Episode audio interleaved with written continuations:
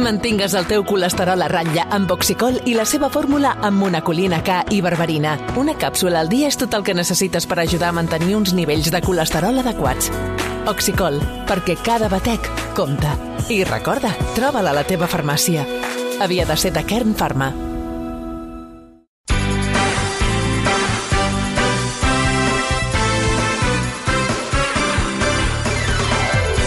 Banc Sabadell t'ofereix el perquè de tot plegat. Avui, amb la sotsdirectora del diari Segre, Anna Gómez, l'advocat Xavier Melero, l'historiador Xavier Domènech i els periodistes Ramon Rovira i Ferran Casas. A l'ull de poll, Mònica Hernández. Saludem a aquesta hora, eh, jo, jo sé que és molt d'hora avui perquè hem d'anar cap al Congrés, ja hi vaig de seguida, però els que tenim segur. Ramon Rovira, què tal? Bon dia. Bon dia, Jordi. I Anna Gómez, hola Anna, què tal? Bon dia. Bon dia, Jordi. D'aquí uns moments, amb el tema ascensor, eh, que tenim aquí un debat sempre amb el tema ascensor en aquest grup, tindrem Ferran Casas, Xavier Melero i Xavi Domènech, també, i la Mònica Hernández. Però és que avui hem devien d'acabar a les 9 perquè comença avui el personatge que hem, que hem entrevistat aquest matí a les 8 aquí al Món RQ, José Luis Ábalos, evidentment, és la fotografia principal d'aquesta sessió de control. Una sessió de control que està seguint ja des del de Congrés dels Diputats el nostre estimat i mai ben ponderat Jordi Armenteres. Hola, Armen, què tal? Bon dia. Hola, bon dia, bona hora. Què és, Armen? Um, no hi és, José Luis Ábalos. Oh, ja, ja ho dic. Evidentment no hi és, és el gran absent. Ja no hi va ser el ple d'ahir a la tarda. Avui havia d'estrenar finalment el seu nou escó la zona del grup mix, ho dèiem a les 8 del matí. Està assegut entre Néstor Rego, el portaveu del BNG, hauria d'estar assegut, i un diputat de Vox, penúltima uh, fila de l'hemicicle, però, mm, en aquests moments no hi és. Mira, són directe de l'hemicicle, tothom assegut, Pedro Sánchez fa 4 o 5 minuts que està assegut al seu eh, escó, no ha dit res quan ha entrat, se li ha preguntat, òbviament, per Ábalos eh, passadissos, ha dit un buenos días de manera elegant. Buenos días, señores y señoras diputados. I ha acabat entrant cap a tema, tema caso coldo, eh, diríem, és el tema principal, eh? Hi ha sis preguntes i després el plenària. tema també torna a sortir amb interpel·lacions. Serà reiteratiu. Qui pregunta? Doncs bàsicament tothom. PP i Vox, sobretot. Perfecto, entonces, I a partir d'aquí qui respon? Doncs Pedro Sánchez, Félix Bolaños, Òscar conforme Puente i Ángel el Víctor. Torres. O sigui, Sánchez i quatre preguntas ministres tenen señor preguntes del presidente cas. Perfecte, doncs vinga, som-hi. Empiezan las preguntas el diputado don Alberto Núñez Feijó del Grupo Parlamentario Popular que tiene la palabra. En directe al Món RQ, Alberto Núñez Feijóo pregunta. Buenos ¿qué días, gracias, Pedro Sánchez? Presidenta. Señor Sánchez, sin rodeos. Usted lo sabía y lo tapó. Se lo digo en nombre de todo un país consciente, por la información que tenemos, de que usted lo sabía, al menos desde hacía más de tres años. Sí, señor Sánchez, usted cesó al señor Ábalos por lo que le dijeron que pasaba en el ministerio, pero a la vez aforó al señor Ábalos por lo que sabía que pasaba en su partido. Aquí, pues, no nos engañe ni engañe a nadie. Su secretario de organización no le servirá de cortafuegos. Esta trama, esta trama surge en la cabeza de su partido, está instalada en el corazón de su gobierno y marca la partida de nacimiento de su carrera política. La caída en desgracia del señor Ábalos no le protege, señor Sánchez, le desnuda. Por eso simplemente nos interesa que nos aclare cuál de todas las respuestas que ha prometido el señor Ábalos en las próximas entrevistas le teme usted. Nada más, muchas gracias.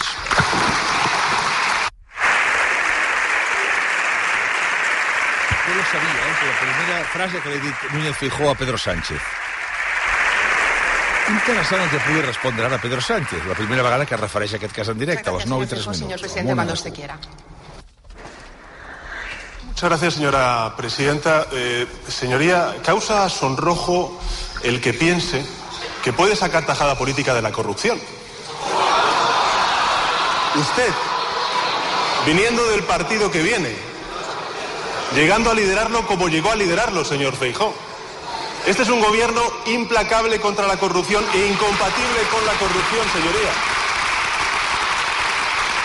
Este es un gobierno que no tapa la corrupción.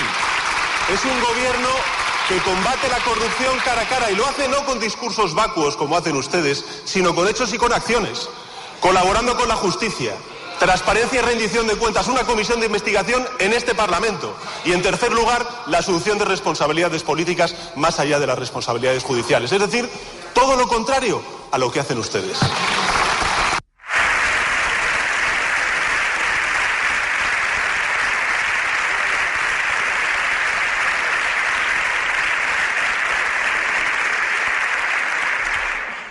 Señor diputado, cuando quiera. Está claro, señor Sánchez, que usted lo sabía. Mire, aún va a tener que calumniarnos mucho más para tapar la descomposición de su gobierno. No esparza a nadie lo que usted tiene debajo. Señoría, no venga usted aquí con el ventilador ni con excusas. El juez está investigando a su gobierno y está investigando a su partido. Eso es de usted, es de usted, señoría, de quien no acaba de fiarse el señor Ábalos. ¿Sabe por qué? Porque le conoce. Usted y su partido llevan días intentando hacernos creer que un personaje de su manual de resistencia, la sombra para todo, del ministro para todo, del secretario de organización para todo y ahijado político del secretario de organización actual, el señor Santos Cerdán, no era nadie en el Partido Socialista, no era nadie en el gobierno y actuaba siempre por su cuenta. Deje de insultar la inteligencia de los españoles todos los días y todas las horas. Mire, señor Sánchez, le he hecho una pregunta y se la reitero. Pero quizás la mayoría de los españoles nos estemos preguntando por qué ha estimado usted oportuno exigir el acta de diputado al señor Ábalos y expulsarlo, pero no al señor Santos Cerdán, o a todos los miembros de su gobierno o de su partido. Señor Feijóo, se le ha terminado el tiempo. Aviam la resposta. Això de posar sense proves, em sembla que ja estem arribant a uns límits polítics molt preocupants, eh? Aviam la resposta frase, el de, juez la resposta. investiga- El juez investiga su gobierno y su partido. Ens hauria de dir quina prova hi ha. Señora no presidenta. Señoría, mire, para ser creíble en su papel de Torquemada, debería tener tanto usted como su partido político otro currículum. Este gobierno y este partido, señoría, nunca va a señalar ni a la justicia ni a las fuerzas y cuerpos de seguridad del Estado, claro que no, diciendo que se está urdiendo una trama contra el partido político. Este gobierno, señoría, y este partido no va a utilizar a elementos corruptos de las fuerzas y cuerpos de seguridad del Estado para armar una mal llamada policía patriótica, perseguir adversarios políticos y obstaculizar la acción de la justicia. Este gobierno y este partido, señoría, lo que no va a hacer es destruir a martillazos las pruebas requeridas por los jueces. Este gobierno lo que hace, señoría, es colaborar con la justicia, rendir cuentas ante este Parlamento, rendir cuentas a este Parlamento con una comisión de investigación parlamentaria y, en tercer lugar, asumir las responsabilidades políticas. Señoría, nosotros llegamos al Gobierno para desterrar la, corrupción de la política y usted ha llegado al frente del Partido Popular para taparla. Sí, hombre, yo les hago una pregunta a ustedes, señoría. Les hago una pregunta a ustedes.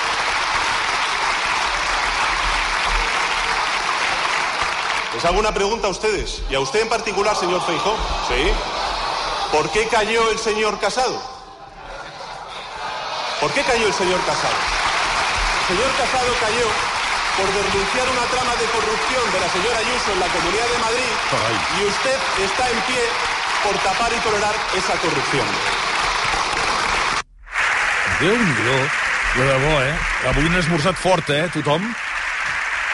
Carai, tu. Pedro Sánchez ara té dues preguntes més d'altres qüestions. Preguntaran PNB i Podem al voltant d'habitatge i de competències al País Basc. La propera pre pregunta al voltant de tot això d'aquí a 20 minuts haurà de respondre Fèlix Bolaños. El Val, fem una cosa. Hola, Arnau Manyer, que no t'he dit res, eh? Hola, bon dia. com Què tal? Alguna cosa per aquí? Buenos días, señor No, presidente. Me pendents remito a la pregunta entre Feijó i Sánchez, de moment, eh, primer assalt. Señor presidente, cuando quiera. Aviam, um, gracias, vull fer-vos una pregunta només per començar a tots els tertulians que tenim aquí. Hola, Melera, bon dia. Bon hola, dia. Xavi Domènech. Hola, Mònica Hernández. Hola, Ferran Casas. Bon dia, eh, que els altres ja els he saludat abans. A Ramon Rovira i Ara Gómez. Que començaran ells. És un sí o un no. És molt, és molt simple la pregunta. Hauria d'haver entregat l'acte de diputat del PSOE a José Luis Ábalos, Ramon Rovira? Sí o no? Sí. No. No. Ferran Casas? Jo crec que no. No. Uh, Javier Melero? No. No. Xavi Domènech? Jo, malgrat... Bueno, m'has molt ràpid, no? Sí. Eh, sí. Sí. Uh, Ana Gómez? No, no, rotundament no. No. Bueno, després no. ens podrem Després, explicar, sí. no? Però de Mònica moment... Hernández? Sí. Sí. És molt curiós, eh? Pensava que estava sol. I, i estàs en majoria. I estic en majoria. De debò, de debò, perquè aquests últims dies... No, no, no, no. És que hi ha hagut gent que m'ha dit que Laura Borràs... No, no, és que Laura Borràs és una altra, és una altra història. Laura Borràs tenia O sigui, hi havia una, una, una investigació, hi havia una imputació, i la llei al Parlament de Catalunya deia que la llei diu el que diu, la llei del Parlament. Sí, sí. La llei del Parlament diu el que diu. Una altra cosa, si estàs d'acord o no estàs d'acord, que això són, són figues d'un altre Sí, sí, parer. el reglament del Parlament és El reglament clar. del Parlament és molt clar. En el cas d'Avalos, el PSOE el que està fent és posar el llistó molt alt. Molt alt. No està ni investigat. molt alt. El que passa és que, esclar, aquí surten coses de que, bueno, que sí, perquè... Però, clar, però, però, però és que hi ha una investigació oberta des de fa temps per l'Audiència Nacional i amb ell ni l'ha rascat encara. No. Encara, dic encara, perquè no se sap mai. Però, en fi, fem una cosa. Comencem a desenvolupar els, els nos i els sis. Aviam, Ramon Rovira. Uh, doncs no, perquè és que acabes de dir.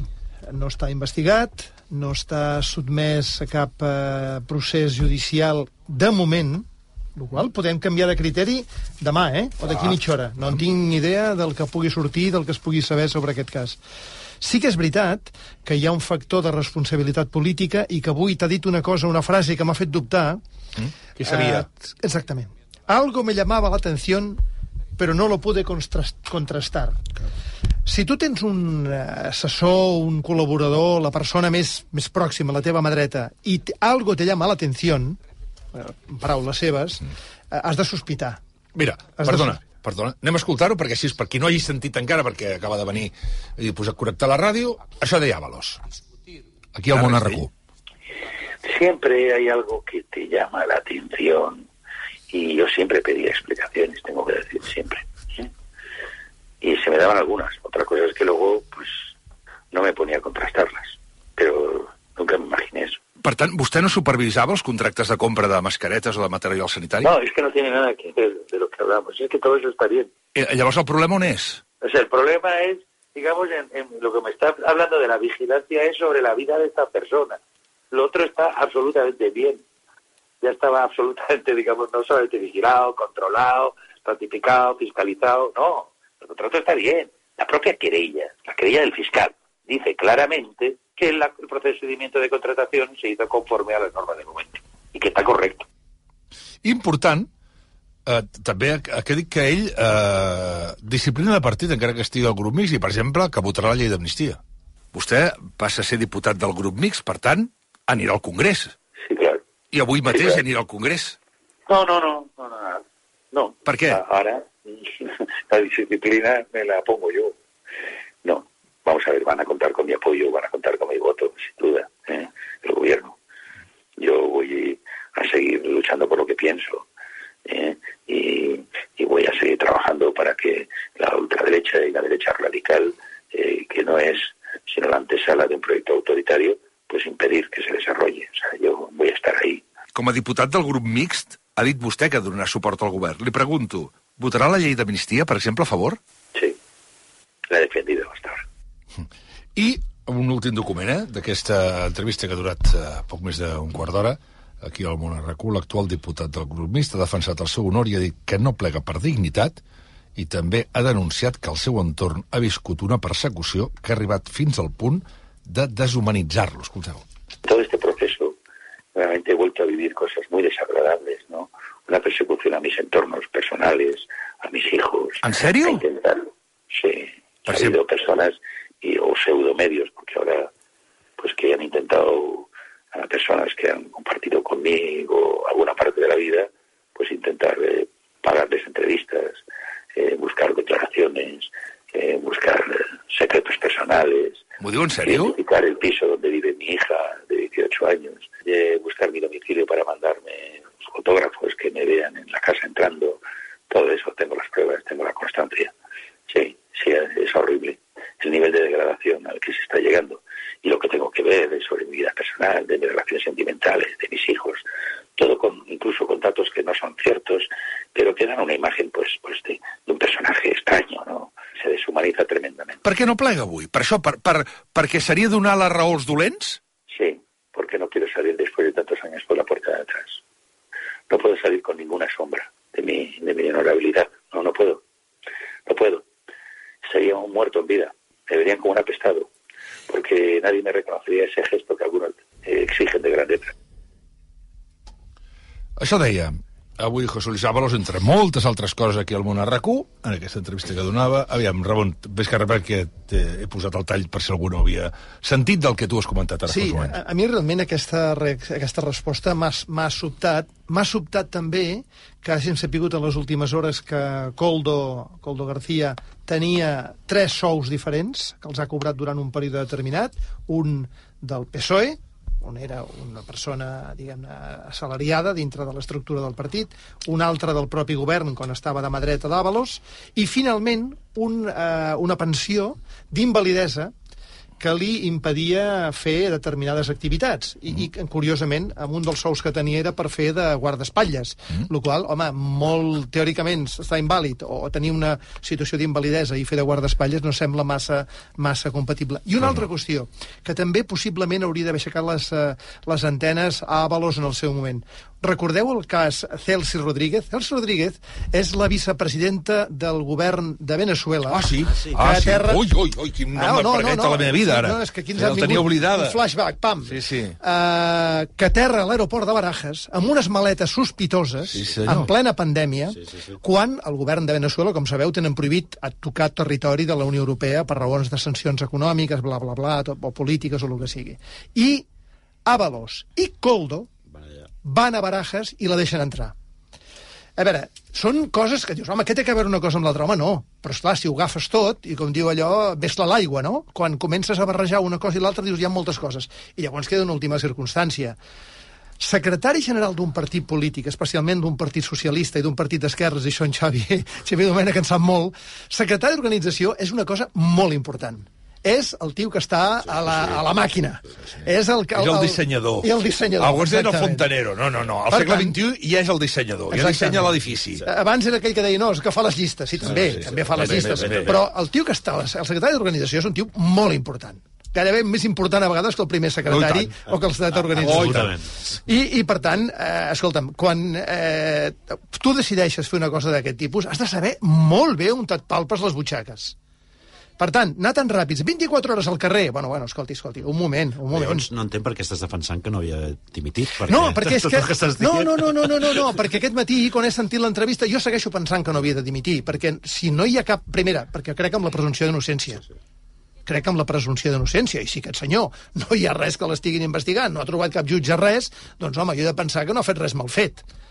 Ara, sí que és veritat que al mateix temps hi ha una sèrie d'indicadors que fan pensar que no va ser prou curós en vigilar de qui s'envoltava. I en aquest cas, d'aquest personatge Coldo García, com, eh, eh, ja, ja hi havia alguns indicadors que... Fa, fa mal efecte. Fa moment, mal un efecte. moment. Seguim, seguim, seguim. Un altre, no.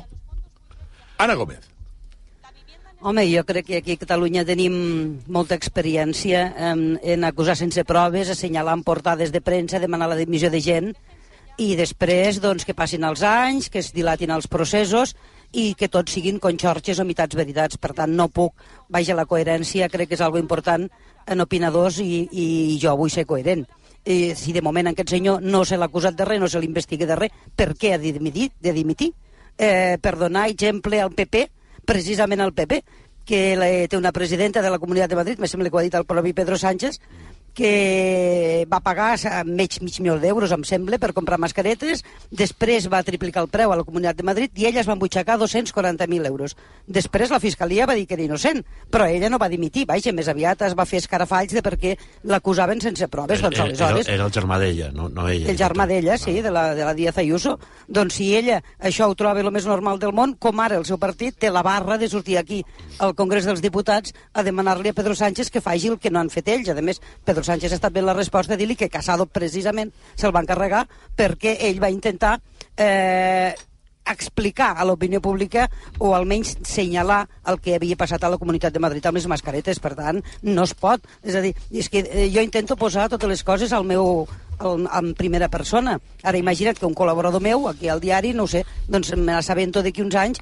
que cobre per eh, publicar no sé quina notícia. Jo quina culpa en tinc si no ho sé, si no ho he vist, i per tant, per què hauria de dimitir jo? En tot cas, ella ha d'anar al carrer, però jo, evidentment, no he de dimitir de cap manera. Ha dit que sí que ha de plegar Xavi Domènech. Per què, Xavi? Perquè jo crec... Entenc bastant bé... Cierra la puerta, entenc favor, bastant, sobretot, eh? bastant bé els arguments que jo crec que ja vas desenvolupar des d'ahir, que et vaig sentir parlant Sí. precisament d'aquest tema, de la presumpció d'innocència, és veritat I, eh, i quan he escoltat l'entrevista que li heu fet avui, eh, m'ha convençut de que, de que està convençut ell. És a dir, de que, eh, de que era Totalment, convincent el, el, el discurs que feia. Vull dir que en, en aquest sentit, i evidentment, són aquelles coses que se sabrà al final. O sigui, al final, probablement, ell pot ser que no tingui cap acusació, no tingui absolutament res, eh, etc. però jo crec que s'ha de distingir una miqueta, ja sé que és complicat, entre eh, acusar algú judicialment i portar-lo a la presó a l'assumpció de responsabilitats polítiques. I aquí jo crec que sí que hi ha un tema, hi han dos temes per mi.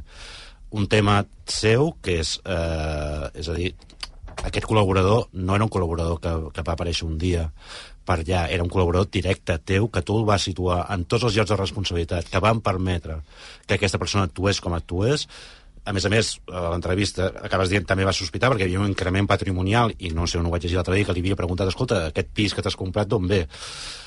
Clar, quan tu agafes un col·laborador que, diguem, no arriba allà diguem, pels, pel currículum, sinó que arriba per la confiança, eh, i que, a més a més, sent de confiança, sospites d'ells en algun moment, home, quan això peta, hi ha una cosa que es diu assumpció de responsabilitats polítiques. I jo crec que en aquest cas eh, les, les hauria d'haver assumit dimitint.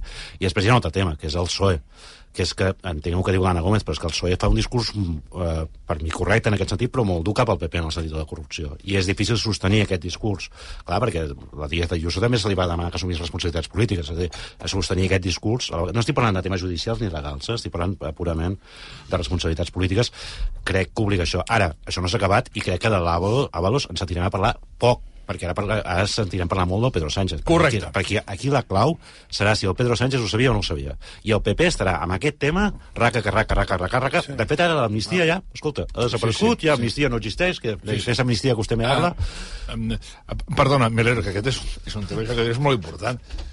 Clar, si hi ha en un món tan important com el polític ens trinxem la presumpció d'innocència i tot és presumpció de culpabilitat, hòstia, la societat anem pel pedregar, perquè ells teòricament són els que han de donar més, més bona imatge, uh, Melero. Bueno, jo només puc dir una cosa i l'haig de dir per coherència, no? Vull dir, la presumpció d'innocència està, està per sobre de tot. Aquest senyor no està ni tan, tan sols investigat.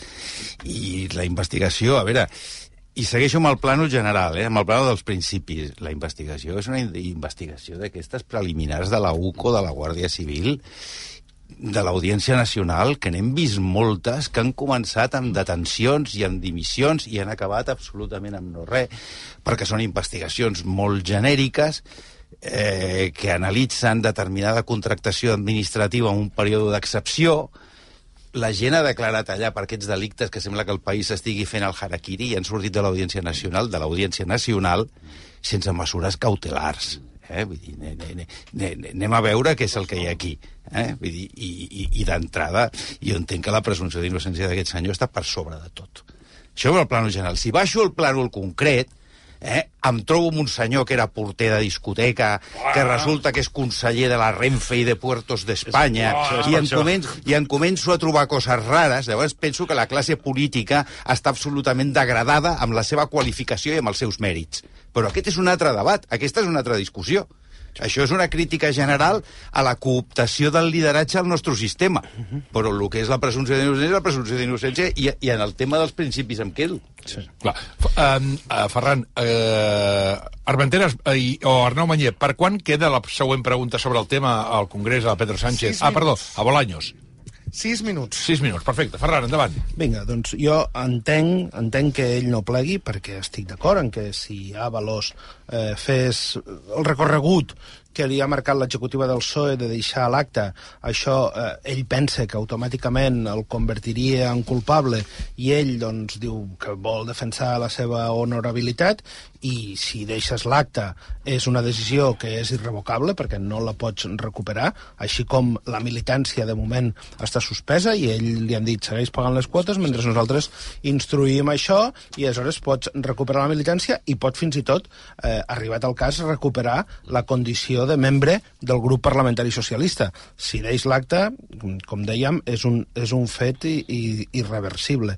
Jo entenc, però, que és difícil, en tot això que hem vist, creure, i més després d'escoltar-lo aquest matí a l'entrevista que li has fet, creure que José Luis Ábalos no sabés res de tot això, no? I eh, que la seva sortida del govern no tingués res a veure amb això. És dir, jo crec que ell ha estat molt poc convincent quan tu li has preguntat per la seva sortida quan eh, Pedro Sánchez el va cessar de ministre, que en aquell moment ningú va saber donar una explicació raonable de com podia ser que la mà dreta de Pedro Sánchez al partit i l'home de confiança política al govern saltés de cop i es quedés sense ministeri i passés a diputat ras i ningú ho entenia. Segurament eh, eh, ara, ara, ara s'entén, no?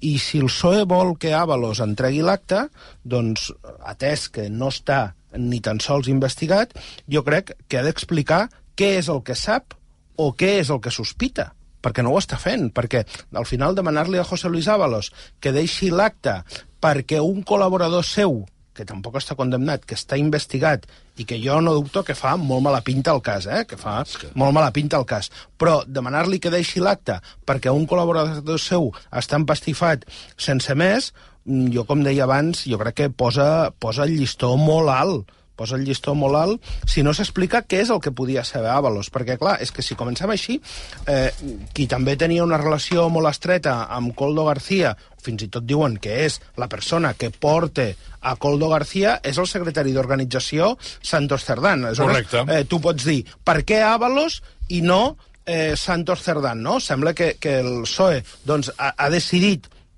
allò, no? hi ha dues paraules que han sortit molt aquests dies i que són molt habituals en la literatura política, no? que és la paraula tallafoc i la paraula voladura controlada. I ha decidit que s'ha de que Ábalos ha de ser el fusible, en aquest cas també, una altra, una altra paraula tòpica en aquests casos. En aquest Però, no ho serà, això és evident. Clar, i ell ha decidit, doncs, que no vol eh, acceptar el paper que li han reservat mm. en, aquesta, en aquesta obra. El que està clar és que tot això dona munició al PP, que alimenta alimenta eh, allò, la, la possibilitat o, o la sospita de que ell en algun moment pugui tirar de la manta i pugui explicar moltes coses i en funció de com vagi, de com esclati tot, del que expliqui Ábalos, de quina sigui la seva actitud, ara ell està en una actitud molt que no vol confrontar políticament amb el partit, però si ell, diguem-ne, eh, va al grup mix i es desentén de la disciplina de vot del PSOE, doncs això encara li complicarà més l'operativa política al Partit Socialista aquesta legislatura. Mònica. No crec que ho faci perquè aquí sí que m'ha semblat convincent en l'entrevista quan ha dit que ell mantindria eh, Sí, sí. tot el tema del vot eh, amb el PSOE. Aquí, aquí m'ha semblat, però sí que penso, com deia en Ramon Rovira, que si ell tenia indicis de sospita o que devia una mala praxi per part del seu col·laborador, per què no el va fer fora? Clar. És a dir, per què mm, va deixar que continués i hem arribat fins a aquest sí, punt? Sí. I sí que és cert, Basté, que jo avui li deia al Xavi Domènech, quan he sentit l'entrevista, he tingut dubtes, sí. perquè me l'he cregut. Però penso que en un context en què hi ha moltíssims casos de corrupció, desafecció política, ostres, ja sé que és molt dura la decisió, però jo com a ciutadana agraeixo la voladura controlada, com diu el Ferran. Però és que jo, jo vull dir una cosa, el tema de la responsabilitat política Clar. per mi no és que ell s'autoinculpi d'alguna cosa que no ha fet. És senzillament dir, escolta, estàvem en una situació extraordinària, al mig de la Covid, en una situació absolutament delicada. Sí. Hi ha una persona que tu li vas donar molt poder i que el seu poder derivava de tu, perquè no derivava de cap altra carrera professional, etc. derivava directament de tu, eh, home, eh, no, igual també és innocent, també la presumpció d'innocència s'ha d'aplicar, sí. però és veritat que hi ha un increment patrimonial mm, com a mínim estrany, que s'ha d'explicar, i aquesta persona, el seu poder derivava de tu, i amb aquest poder que derivava de tu, de la teva confiança, ell presumptament va fer quelcom Està- està que era clar. molt bèstia. Deixa'm que et digui una cosa, Xavi. Sí, tot el carinyo, La, no? no, tant, el canibalisme dels últims anys amb, amb la política és terrible. Sí, això sí. És molt terrible. És a dir, hòstia, que hagi sortit un tio d'entregant el seu cap sense haver fet cap ferida, aparentment, mm. perquè ara estem parlant aquí de totes suposicions, no, perquè jo he sentit i he dit el to que ho comunicava, però ha dit que sí perquè havia dit que això... Hòstia, és que és molt bèstia, perquè és que si no... Jo, jo entenc, eh, la voladura controlada que dius tu, Xavi, Sí, ho sí, entenc sí. perfectament, sortir i dir, escolta'm, jo sóc innocent, però esclar, és allò de demostrar la innocència que ningú m'ha culpabilitzat. Saps? No, jo, jo crec que el Partit Socialista, si sense estar... inve- És que, per mi la clau és que, si sense estar investigat, sense haver-hi... Eh, això, ni, ja no un judici, una condemna, evidentment, o un judici obert, sinó ni tan sols està investigat, li demanes a un diputat que entregui l'acte, i que, i que faci Sí, però un acte... Tu no creus, Ferran, que ho fan perquè de culpa? saben alguna cosa, com deies doncs tu? ho han d'explicar. No, és que ho han però- d'explicar. però- però és el- perquè, és dir, si, si la direcció... no poden si la, explicar-ho. Això bueno, han d'explicar-ho, Bueno, però què vols dir però que van si la- explicar? Si sabien alguna cosa, No, no, han de dimitir tots. Bueno, clar. És que, clar, si, de si, dir- vam, si però vam fer plegar però, a Xavi, de han de ministre... si han, quina si el, és la si seva Pedro, sospita. Però quina sospita? Si el, si el Pedro Sánchez tenia sospites de que el, el, el ministre Àvalos mm. havia eh, fet corrupció amb les mascaretes i no, i no va fer res més que dir-li plega en aquell moment, home, si, si això és així, llavors sí que el cas és Ah, immens. bueno, no sé, Però jo, si- jo només si- us si- vull dir una, us si vull dir és una cosa, us vull, problema us vull dir una no. cosa, només una cosa, eh? eh aquest tipus, eh, estic d'acord, és que jo no, no, no dubto de la seva innocència, és més, no en dubto, eh? És, és, és, bueno, potser no, eh? Però vull dir que No, no, és que avui. no és que no ho sabem, pots dubtar, no però, però, però, no, però ara mateix no ho dubto, l'he sentit i m'ha semblat convincent. No ho sabem, però el PSOE li està demanant però- l'acte de però que jo no diputat. estic Si dient li que- demana l'acte de diputat, ho ha però- d'argumentar. Però jo no Ah. estic, però jo és que no estic dient, però és que el PSOE, no, l'argumentació, almenys jo no sé quina serà el PSOE, però no és eh, vostè Eh, és que una cosa és, com ha dit el Xavier Melero, el tema dels principis, tot això. L'altra és la gestió política. I vostè va posar una persona allà que va fer una sèrie de coses i hauria d'assumir alguna responsabilitat política en funció d'això, no en funció de que vostè sigui corrupte o no. Són Però és que coses- aquest, només un apunt, eh? perquè aquest mateix discurs... Em sembla estem- que, va, em sembla que va ja, eh? Em Perdó. sembla o no encara? Sí, sí, bàsicament, eh, Miguel Tellado en aquests moments preguntant a Bolaños. el ministro de la presidencia de un gobierno cercado por la corrupción. Corrupción de ahora, no corrupción del pasado. Corrupción política, corrupción moral y corrupción económica. En los peores días de la pandemia, desde el Ministerio de Transportes, con Ábalos al frente, se puso en marcha una trama de comisiones y comisionistas, todos ellos del Partido Socialista, a cargo de la compra de mascarillas por parte del Gobierno de España y por parte de distintas comunidades autónomas, todas ellas gobernadas también por el Partido Socialista. Nos dijeron en aquel momento que de la pandemia saldríamos más fuertes. Lo que no nos dijeron, señor Bolaños, es que algunos socialistas saldrían más ricos. Eso es lo que ha sucedido. Hace unos minutos, el presidente del gobierno tuvo ocasión de decir que no conocía los hechos en el momento que cesó al ministro Ábalos. Perdió la ocasión de hacerlo. Y el que calla, ya sabe lo que ocurre, el señor Bolaños, el que calla otorga. El señor Sánchez conocía todo hace dos años, cesó al señor Ábalos precisamente por eso, y lejos de poner los hechos en conocimiento de la justicia, se cayó complicidad absoluta por parte de quien tenía que haber colaborado con la justicia de nuestro país. Es usted el ministro de Justicia. ¿Qué tiene que decir sobre todo esto? Miguel Tellado, que apuntala la hipòtesi del PP que Avalos no és l'únic que estava al cas de la trama corrupta de, de Coldo. Respon Félix Bolaños. Gracias, señora presidenta. Eh, mire, señor Tellado, igual le sorprende la respuesta. Nosotros no teníamos información del caso judicial porque estaba bajo secreto. Y cuando tuvimos información, colaboramos con la justicia. Imagino que esto, dado los antecedentes del Partido Popular, le parecerá muy sorprendente, pero es lo que ha hecho este gobierno.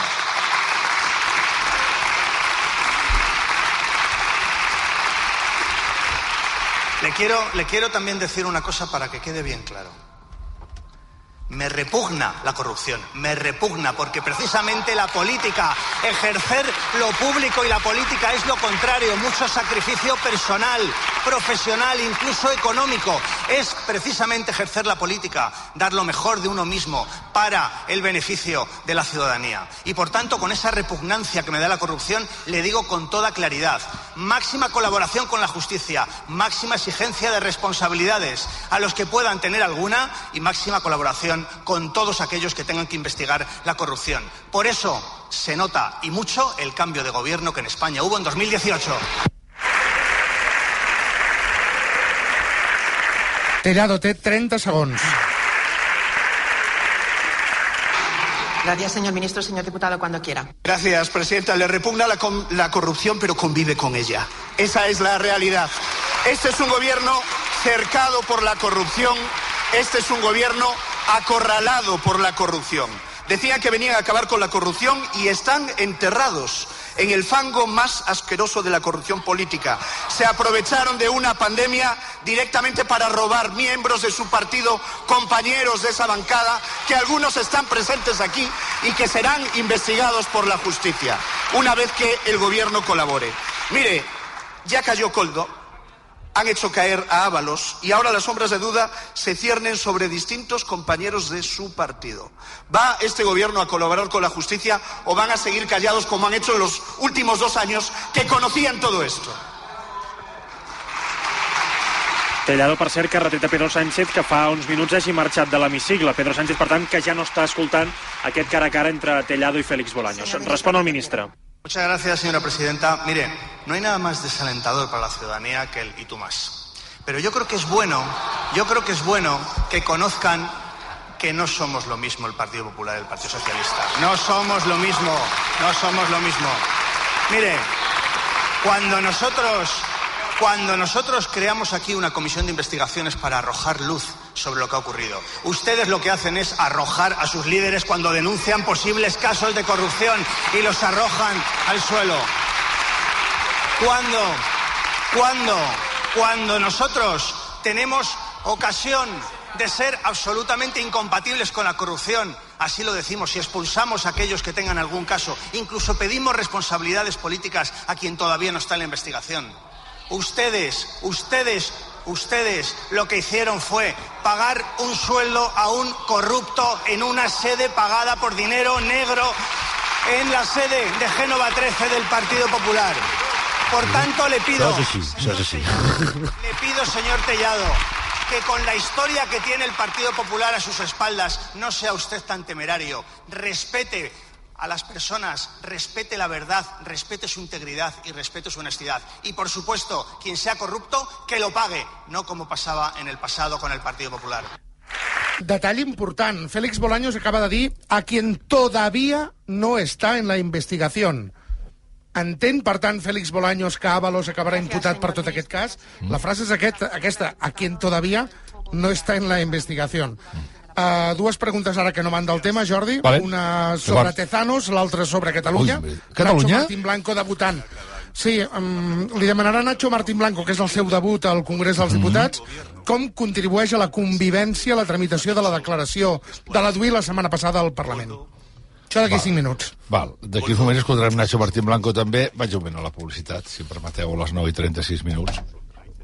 Diuen que eh, Ábalos s'haurà darrere Bildu i al costat del BNG i que gent que estava a l'hemicicle ha pogut comprovar com avui Pedro Sánchez estava visiblement nerviós perquè els papers li anaven, saps allò, quan els papers et van allò de, de nerviosisme, és a dir, que avui estava incòmode a Pedro Sánchez. També t'he de dir una cosa que passa a la vida, que és que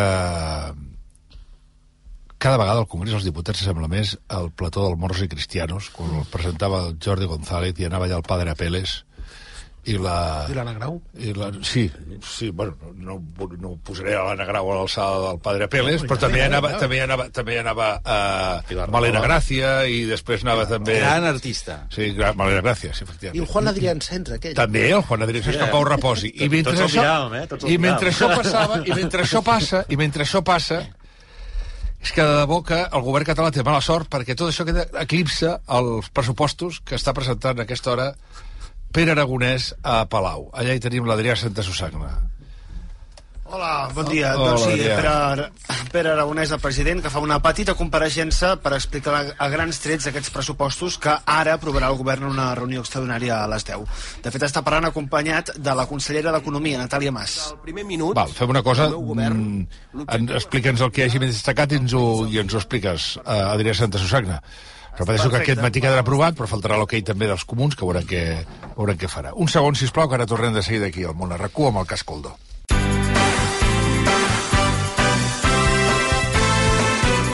El per què de tot plegat. 20 minuts i les 10 en punt del matí. Aviam, Armenteros... Però Arnau Manyer, alguna novetat al Congrés? Eh, Estem amb tema 6, Félix Bolaños defensant Tezanos en aquests eh, moments, dient que potser sí que a Galícia va passar el que va passar, però que en les altres eleccions el 6 és qui ho ha quadrat més, i en breu anem a Nacho Martín Blanco amb Félix Bolaños. Val. I després, perdona, més que res per saber l'ordre... Nacho Martín Blanco amb Bolaños al voltant de Catalunya just ara, i després Vox contra Bolaños per tema cas eh, Coldo. Llavors hi haurà una pregunta d'Esquerra al voltant d'altres qüestions, i llavors anem amb Marc Lasca també amb cas Coldo. Val. Mira, Nacho Martín Blanco li acaben de donar debuta el pas a les aquests 9 i moments. 41 minuts. Qui va ser tertulià dels dimarts del món RQ debuta al Congrés. Aviam.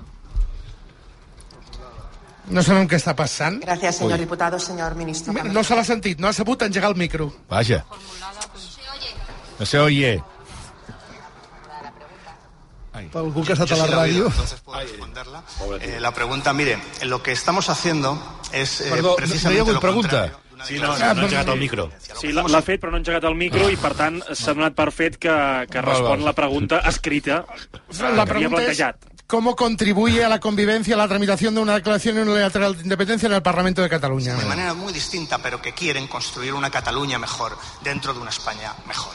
Por eso en 2024 es una minoría, menos del 10%, los que quieren una salida, digamos, unilateral al conflicto político que existe en Cataluña. Por eso, usted sabe, como yo, como lo sabemos todos, en qué va a acabar esa proposición de ley en el Parlamento de Cataluña sobre una declaración unilateral de independencia. Va a acabar en ninguna parte, en ninguna parte que es donde acabó el proceso independentista y donde acabó también las políticas que hizo el gobierno del Partido Popular en aquella época que tan desastrosas fueron para la convivencia. Gracias.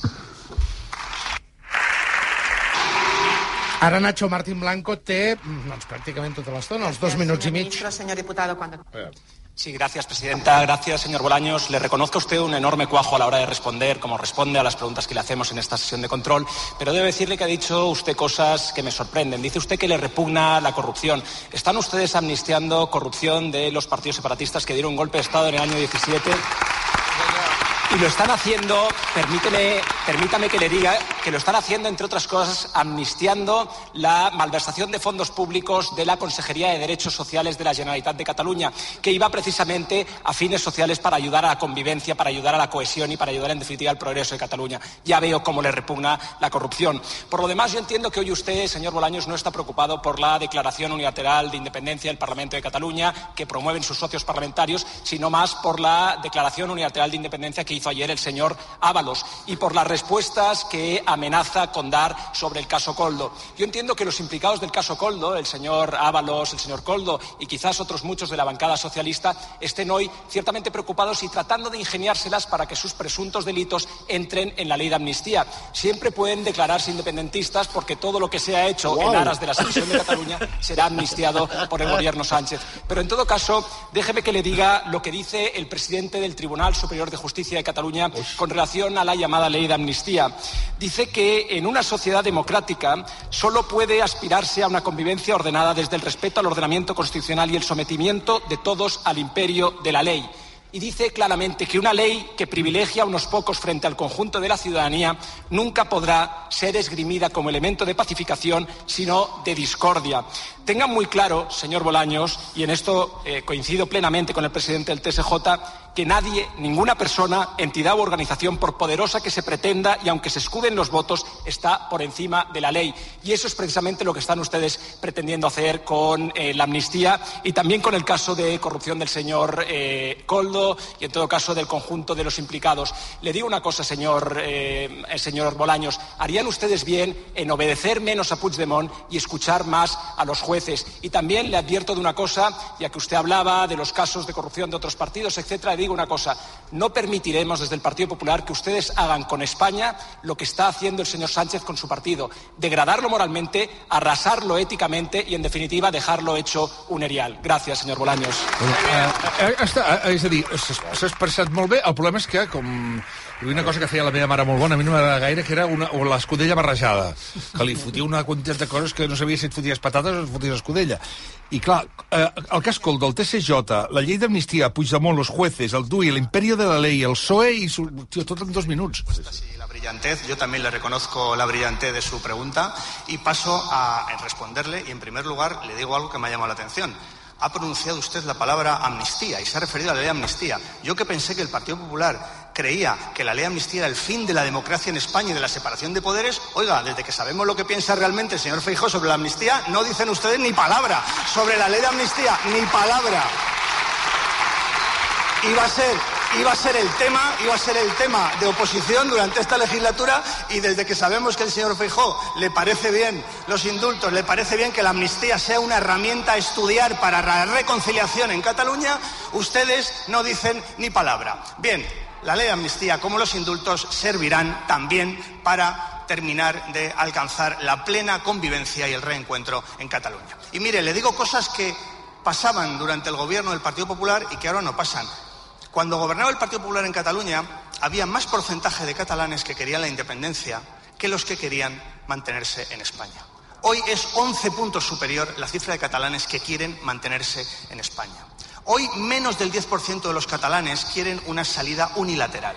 Y por eso le digo que nuestras políticas, que son la causa de estos cambios de opinión en la ciudadanía de Cataluña, es lo que están haciendo que consigamos una España mejor, más habitable, con mayor convivencia en Cataluña y en el resto del país.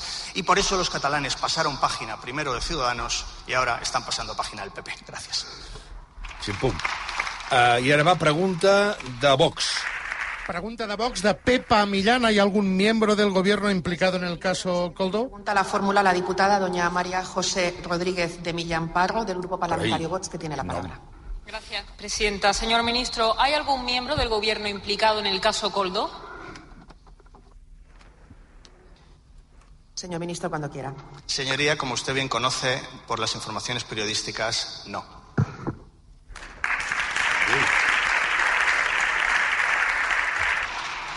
Señora diputada, cuando quiera.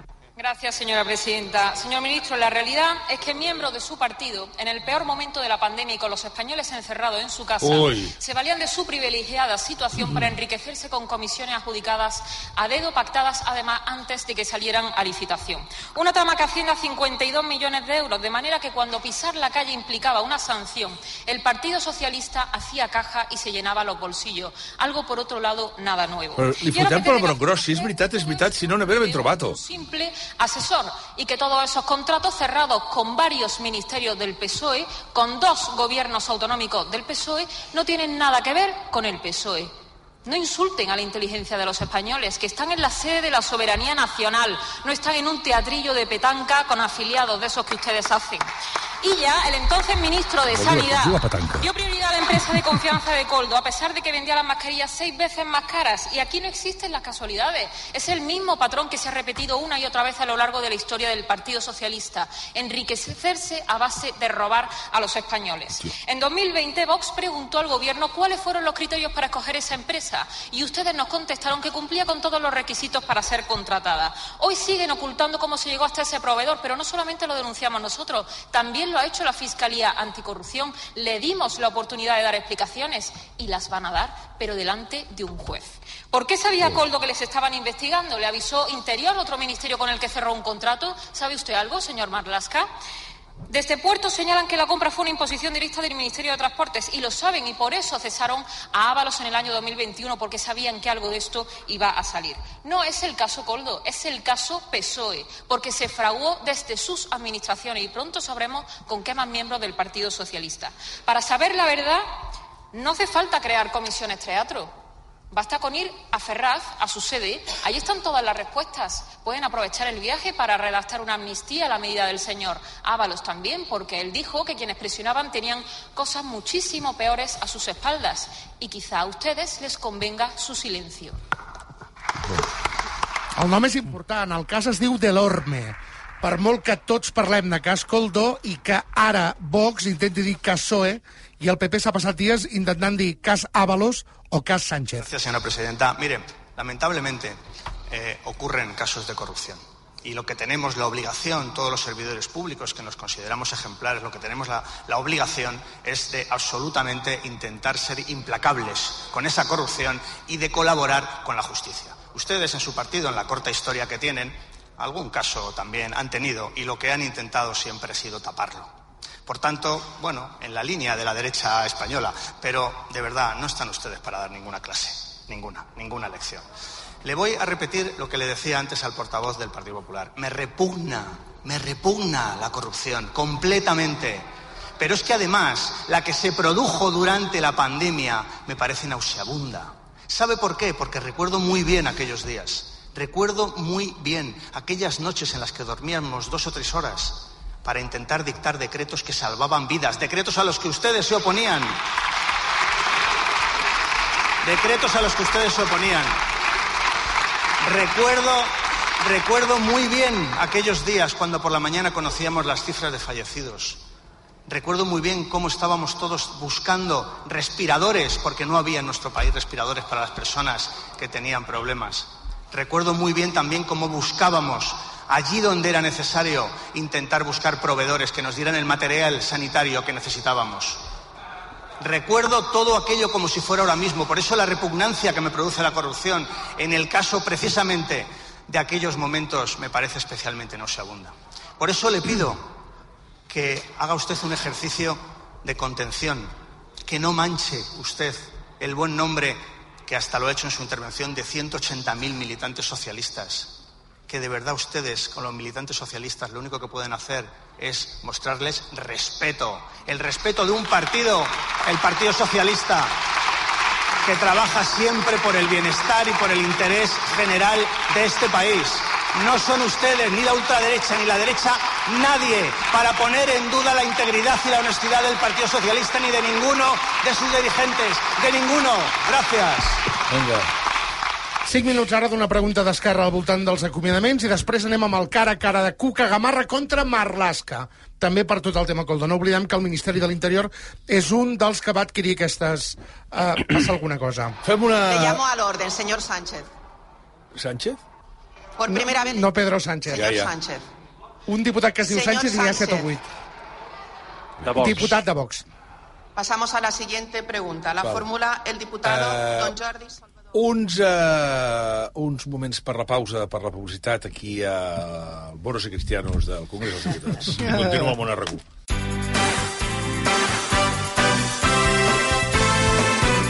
El per què de tot plegat. 3 minuts i les 10 en punt del matí. Aviam, deixa'm situar perquè se m'estic perdent. Eh, Armenteres, alguna novetat?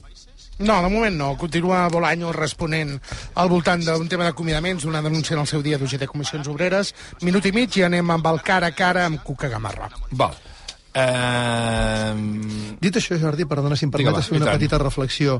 Uh, en política hi ha un axioma que no sol fallar. Quan les coses comencen a torçar-se, tenen tendència a torçar-se més.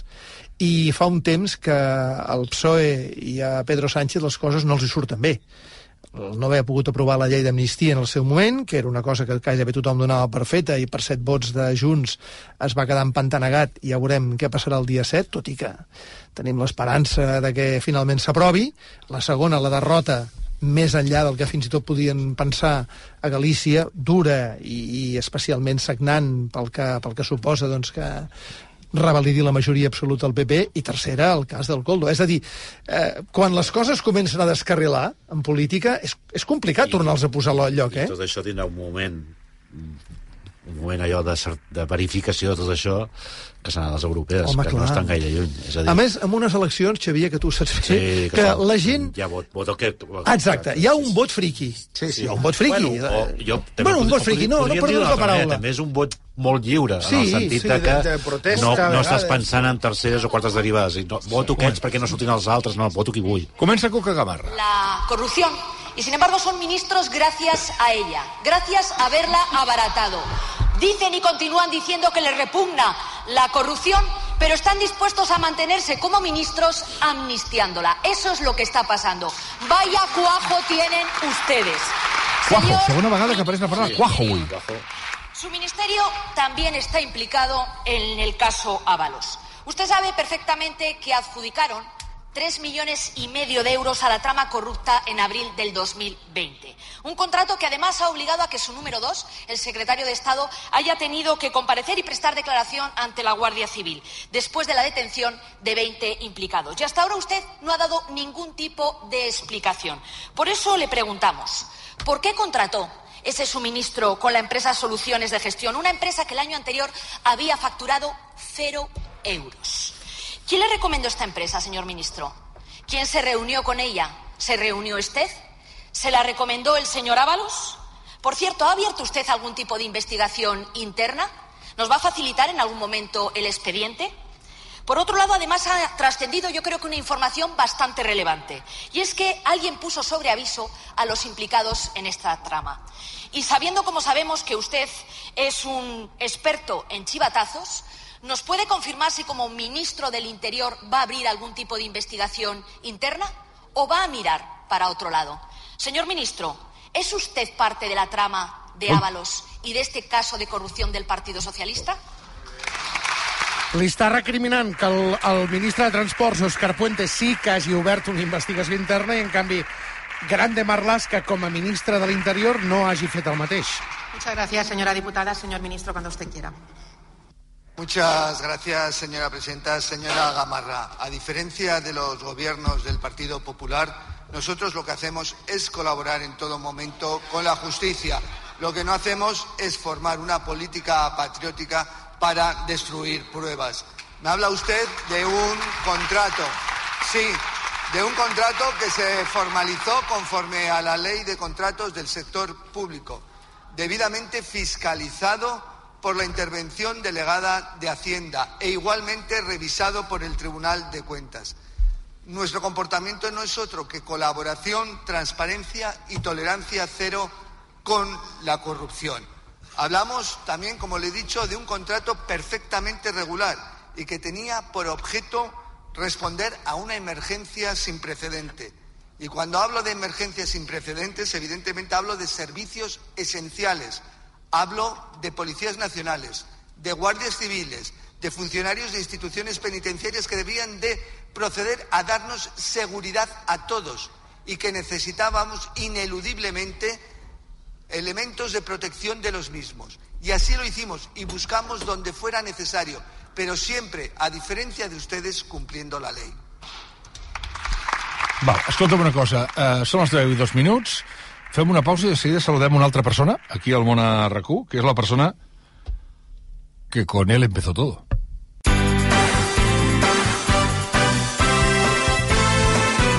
El per què de tot plegat.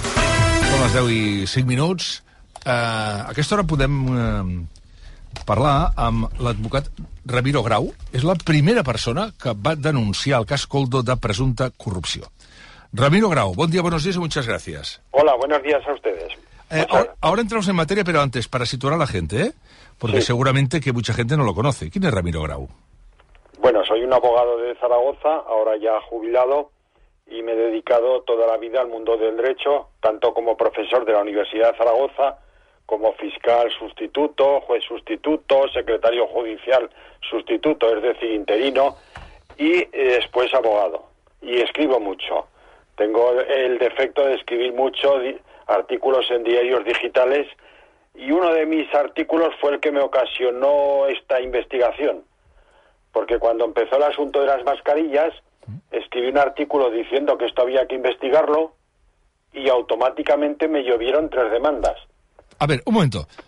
¿Se acuerda del día del día que publicó ese ese, ese Bueno, está en la red el artículo, yo creo que es del 30 de abril del 2020 o algo así. 30 de abril del 2020. Sí, si usted pone en internet o quien le interese, Sí, chanchullos del dinero público, sí. Ábalos y José Ángel Escorial, la extraña pareja, diciendo que era rarísimo que un ministerio acudiera a una empresa de Zaragoza a la que no conocíamos ni en Zaragoza. Mira, a veure, si em permet, el vaig a llegir, diu, o llegir el tros que, ha, que jo tinc aquí, que diu, um, como eh, no hay dos sin tres, hoy voy a hablar de los extraños negocios de José Luis. José Luis es Ábalos, ¿eh?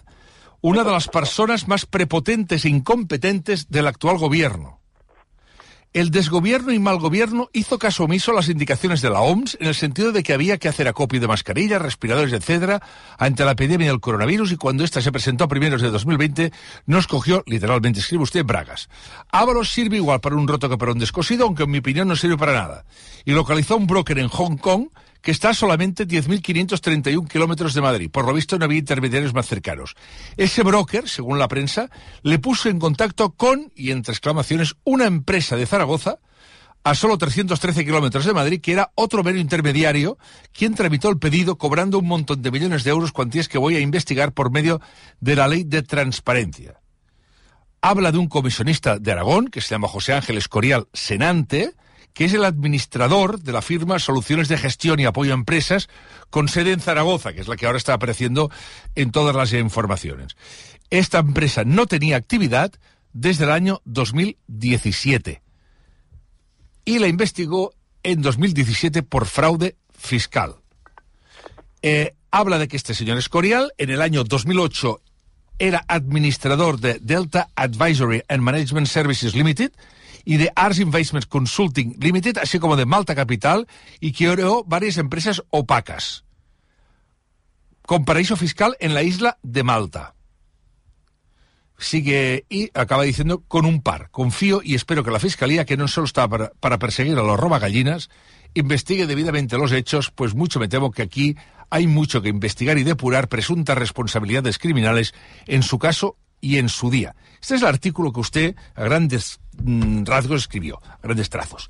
Efectivamente. Eh, eh, què va descobrir exactament vostè? Què va bueno, descobrir? pues que esta empresa a su vez era propiedad de otra empresa, que a su vez era propiedad de otras empresas, o sea que era, era tirar del hilo de una madeja que al final era casi imposible, bueno, era imposible, por al menos para mí, saber quiénes eran los propietarios, digamos, reales. Que esta empresa no había tenido ninguna actividad, no había facturado nada, absolutamente nada, en el año 2019 que esta empresa tenía unas deudas económicas de un millón y pico de euros, a pesar de que solo tenía un capital social de 156.000 euros. Por lo tanto, estaba en causa legal de disolución. Cuando una empresa debe más del capital social que tiene, pues solo hay dos posibilidades, o disolverla o aumentar el capital social. Bueno, era todo extrañísimo. Y al mismo tiempo que todos los contratos de compra de mascarillas para tres ministerios, el del señor Illa, y ya compraba también a otros proveedores, no solo a esta empresa, porque Sanidad es quien más compró. El señor Ábalos, que le compró nada menos que 13 millones de mascarillas, el ministro del Interior, que le compró un millón de mascarillas, y los gobiernos socialistas de Baleares y Canarias se lanzaron como locos a comprar a esta empresa que no fabricaba nada ni comercialitzava nada. No, no, és per defensar, no és per defensar el govern, eh? de debò que no, que no és la meva intenció, però també li donaré... Per exemple, jo recordo que un avió va aterrar a Saragossa amb mascaretes també pel govern de la Generalitat de Catalunya. O sigui, recordo com si fos ara. Va aterrar a Saragossa, a l'aeroport de Saragossa. Per què? Perquè no la robessin. Entre d'altres motius, hi havia un problema. En aquella època, una mascareta es pagava a preu d'or perquè no n'hi havien. Sí, sí, efectivamente. Clar, llavors aquí hi ha un comissionista, per entendre. Interpreto que vostè m'està dient, no? Exacto, sí, estos señores, entre comillas, pues eran unos intermediarios, unos comisionistas. Eh, Però que siguin comissionistes no els converteix en personatges eh, il·legals. No, mire usted, el gobierno de España, para evitar que los farmacéuticos abusaran, porque había pocas mascarillas, efectivamente, dictó una orden ministerial o un real decreto, lo tengo guardado, pero ahora mismo no lo tengo a mano, en donde decía que las mascarillas no se podían vender a más de 96 céntimos por unidad, o sea, redondeando a un euro. Y resulta que el gobierno compraba millones de mascarillas a dos euros y medio más el 21% de IVA, o sea, tres millones de euros. Eh, perdón, tres, tres euros la mascarilla. Excepto el señor Marlasca, que como solo hizo un pedido de un millón, pues su pedido subió casi cuatro millones. O sea, lo que no es muy normal que en un país se pudieran comprar mascarillas en farmacias a un precio máximo de 96 céntimos y en cambio el gobierno las comprara a, a tres veces un importe superior. Es que no es lógico, no es razonable. Son precios hinchados, inflados. Eh, Melero. Aparte Sí. de que eran de malísima calidad Pero- y de pero- que muchas de esas compras no se necesitaban. Según la información de los portales de transparencia, había cuatro millones de mascarillas en los sótanos, en los almacenes del Ministerio de Fomento, que imagino que ya las habrán tirado a la basura, porque las mascarillas tienen un plazo de vida de dos años, de 24 meses más o menos, porque el material se degrada y cuando ya está el material degradado, pues hay que reciclarlas, digamos. Sí, pero, pero disculpa, estimado colega.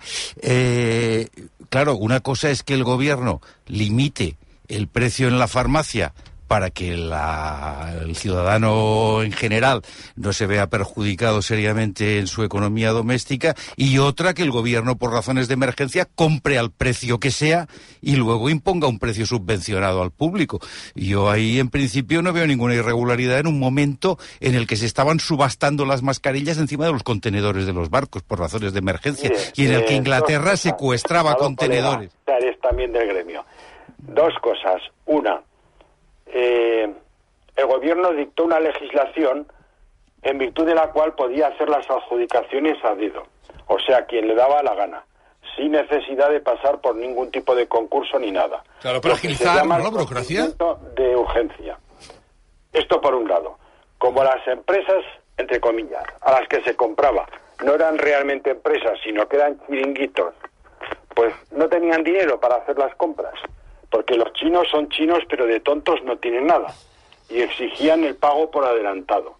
Entonces el gobierno eh, aprobó también otro real decreto diciendo que se podía adelantar el importe del pedido, o sea que se podía pagar por adelantado al intermediario para que el intermediario tuviera dinero para poder comprar a los chinos. Pero eso lo O sabíamos. sea, una Es cosa que no- tampoco es muy razonable. No, porque si el gobierno necesita 10 o 20 millones o las que sea de mascarillas, pues se pone de acuerdo con una empresa china o con un importador chino, paga.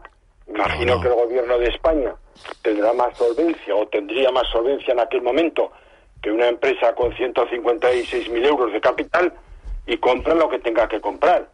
Pero ¿qué sentido tiene darle el dinero a unas empresas cuando todavía no han hecho la compra? Pues Y luego ha habido muchos problemas en el caso de Baleares y Canarias porque han llegado mascarillas defectuosas o ni siquiera han llegado. Se ha publicado estos días en los diarios digitales. Ahora bien, si nosotros queremos dejarnos robar y nos parece bien y queremos dar por bueno todo lo que se ha hecho, tanto por parte del PSOE como por parte del PP, pues bueno, a mí es problema de ustedes. Yo desde no. luego como ciudadano y como contribuyente exijo que los recursos públicos que son limitados y escasos se administren con probidad, con honradez. No, Es que- no pero en pero yo plan creo de, una- una- una de cosa, perdona. tirarlos a la basura.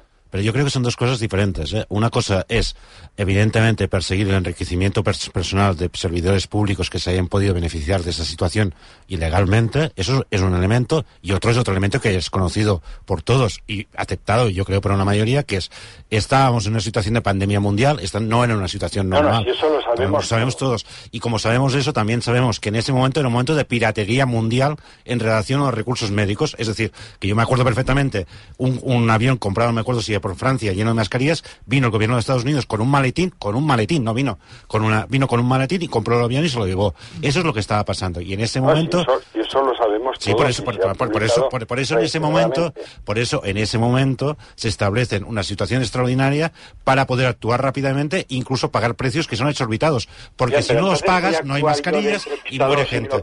¿Eh? ¿Cómo es posible que se haya abierto un procedimiento penal sobre este asunto? Algo habrá, ¿no? No, sí, pero se ha abierto- un procedimiento penal sobre el enriquecimiento de una persona habrá, ¿no? ilegal. No, pero vamos a ver. A ver, Pero no podemos hablar así. penales en España tampoco es que sea tan No, pero complicado. es que aparte es que el ¿no? procedimiento penal no se ha abierto sobre eso, se ha abierto sobre si hay una Un comisión de un servidor público que no tenía que cobrar. Eso es lo que Mire, se ha yo abierto. no sé si ustedes han visto la querella de la Fiscalía Especial contra la Corrupción y la Delincuencia Organizada, que la tengo encima de la mesa y que tiene 26 páginas de letra menuda, que voy a necesitar una lupa para leerla, pues ha hecho una gran investigación por parte de la Unidad Central Operativa de la Guardia Civil y se ha visto todas un montón de cosas raras, lo que se denomina indicios racionales de criminalidad, con independencia de que luego esto vaya a juicio, no vaya a juicio, sean absueltos, sean condenados. O sea, yo creo en el Estado de Derecho, pues porque para eso soy jurista.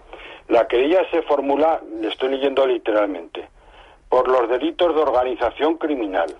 La organización criminal es cuando son varias personas que se conciertan para cometer delitos. Por los delitos de organización criminal, blanqueo de capitales, cohecho y tráfico de influencias. ¿Eh? O sea que estamos hablando de varios delitos que son los mismos delitos que yo eh, puse en los escritos y en la documentación que envié a la Fiscalía Especial contra la Corrupción y la criminalidad organizada. Porque previamente la Fiscalía Provincial de Zaragoza lo archivó rápidamente, no hicieron absolutamente nada. El, el Supremo, creo que fue usted al Supremo también, ¿no? Efectivamente, eso fue en el 2020, lo de la Fiscalía. Provincial. En el 2021 acudí al Tribunal Supremo. El Tribunal Supremo se tomó su tiempo, yo comprendo que tienen muchísimo trabajo, la Sala Segunda de lo Penal. Acudí al Supremo porque el señor Avalos era aforado, al ser ministro y diputado, solo le podía, digamos, investigar el Tribunal Supremo, el aforamiento que se llama. Y dictaron un auto diciendo que como había una legislación especial que permitía que el gobierno hiciera, digamos, lo que le diera la gana, o sea, que pudiera actuar con discrecionalidad o con arbitrariedad o como le quieran llamar, para darle los contratos a quien quisiera, no había que pasar por ningún concurso ni nada, pues bueno, pues que no veían delito en la actuación del señor Avalos. Pero ponían un apartado en ese auto diciendo que sí que se podía investigar a todos los demás aforados. Perdón, aforados, a todos los demás denunciados, es decir, los que no eran aforados. Pero que como eso ya no era problema del Tribunal Supremo, sino de un juzgado ordinario, pues problema mío. No hicieron nada. Hubieran podido enviar la denuncia a un juzgado, que hubiera sido lógico. Bueno, pues entonces presentó otro escrito al Supremo diciéndoles envíenla a ustedes a- al juzgado que les parezca competente. La Audiencia Nacional, los juzgados de Zaragoza, los juzgados de Madrid. Yo entendía que era la Audiencia Nacional, al ser una trama organizada por diversas provincias de España. Y me contestó el Tribunal Supremo diciendo que no iban a hacer absolutamente nada, que era problema mío. O sea, yo vi un, un pasotismo, entre comillas. Claro, en aquel momento, con todo respeto hacia el Tribunal Supremo, pero vamos, yo puedo opinar sobre las resoluciones judiciales, igual que ustedes.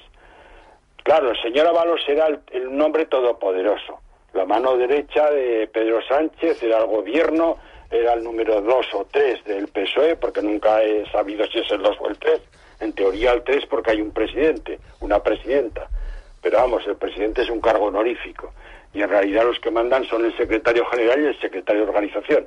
Bueno, entonces cogí y lo denuncié ante la Fiscalía Especial contra la Corrupción, que abrió diligencias, me, me contestaron acusando recibo y tal, y son los que han llevado este asunto adelante, a Dios gracias. Con lo cual para mí estos días son satisfactorios en cuanto a que veo que el Estado de Derecho, eh, digamos, se está abriendo camino en este asunto. Por supuesto, respetando la presunción de inocencia. Y yo no quiero señalar a nadie con el dedo, eso lo dirán los tribunales. Pero creo que estos temas hay que investigarlos. Igual que hay unos comisionistas de mascarillas que vendieron, creo recordar, que al Ayuntamiento de Madrid, que se van a sentar en el banquillo y para los que se pide un montón de años de prisión, pues yo creo que este caso también hay que investigarlos. Es que da igual que sean de un partido o de otro. El que la haga, que la pague. Molt bé, eh, Ramiro Grau, moltes gràcies eh, per haver-nos acompanyat avui al Bon RQ. Muchas gracias a ustedes. Que vagi bé, bon dia. Adiós, buenos días. Adiós. Adiós. Ai, ja.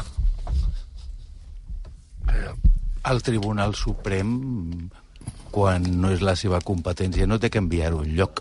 Li diu a la part que no és de la seva competència i la part pues, s'ha d'espavilar i presentar... No, però, però, la, la, la, el que ha explicat el Tribunal Suprem el que diu és no hi ha cap delicte i l'únic que diu és, en el cas dels no forats, si procedís s'hauria de fer un altre jutjat. Això, això no implica en cap moment... No, no, Clar, però és vull que- dir, és vull dir que, que el Tribunal Suprem el Tribunal Suprem ho diu moltes vegades i a més a més ho diu molt taxativament.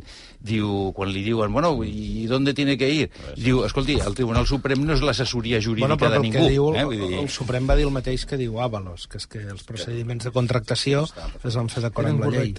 Efectivament. Jo- coses. jo- diverses coses. La, primera, la primera que a mi em sembla... Que em perdona, Xavi Domènech.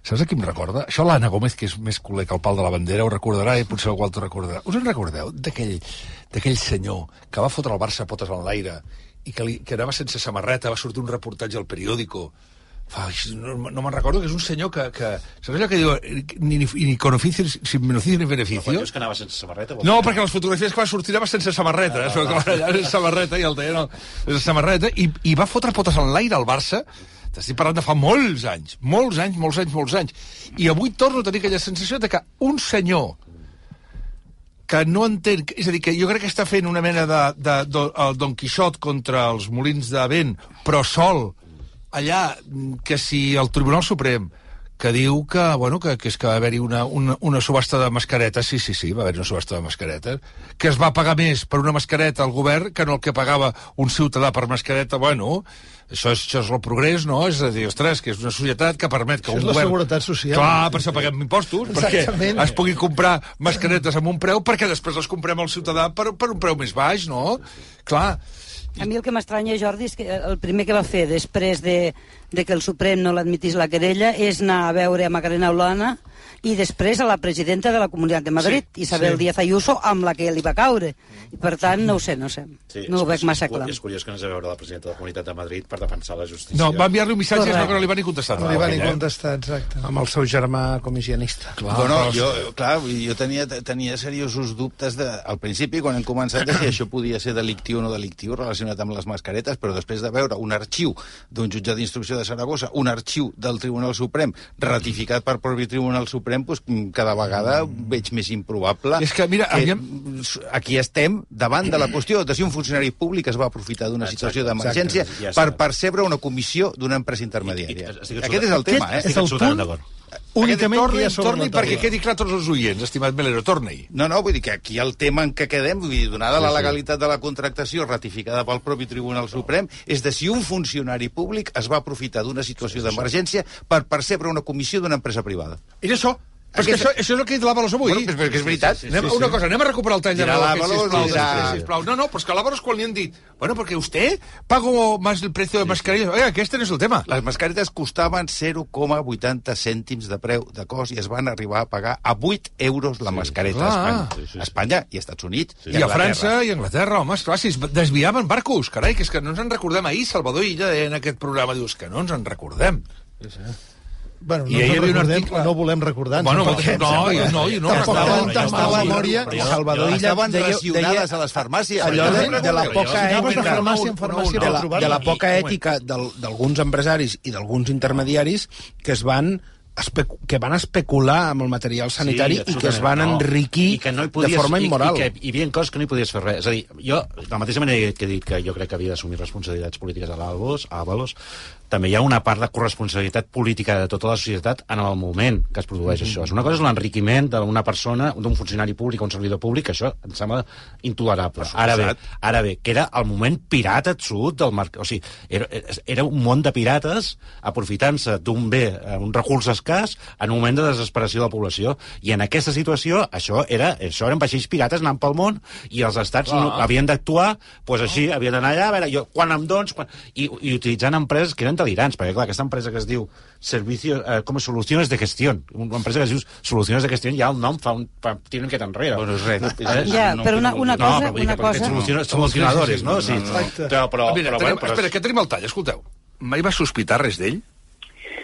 Siempre hay algo que te llama la atención y yo siempre pedía explicaciones, tengo que decir, siempre. ¿eh? Y se me daban algunas. Otra cosa es que luego, pues, no me ponía a contrastarlas. Pero nunca me imaginé eso. Per tant, vostè no supervisava els contractes de compra de mascaretes o de material sanitari? No, es que no tiene nada que ver de lo que hablamos. Ahora. Es que todo eso está bien. Eh, llavors el problema on és? O sea, el problema es, digamos, en, en lo que me está hablando de la vigilancia es sobre la vida de esta persona. Lo otro está absolutamente bien. Ya estaba absolutamente, digamos, no solamente vigilado, controlado, ratificado, fiscalizado. No, el contrato está bien. La propia querella, la querella del fiscal, dice claramente que el procedimiento de contratación se hizo conforme a las normas del momento.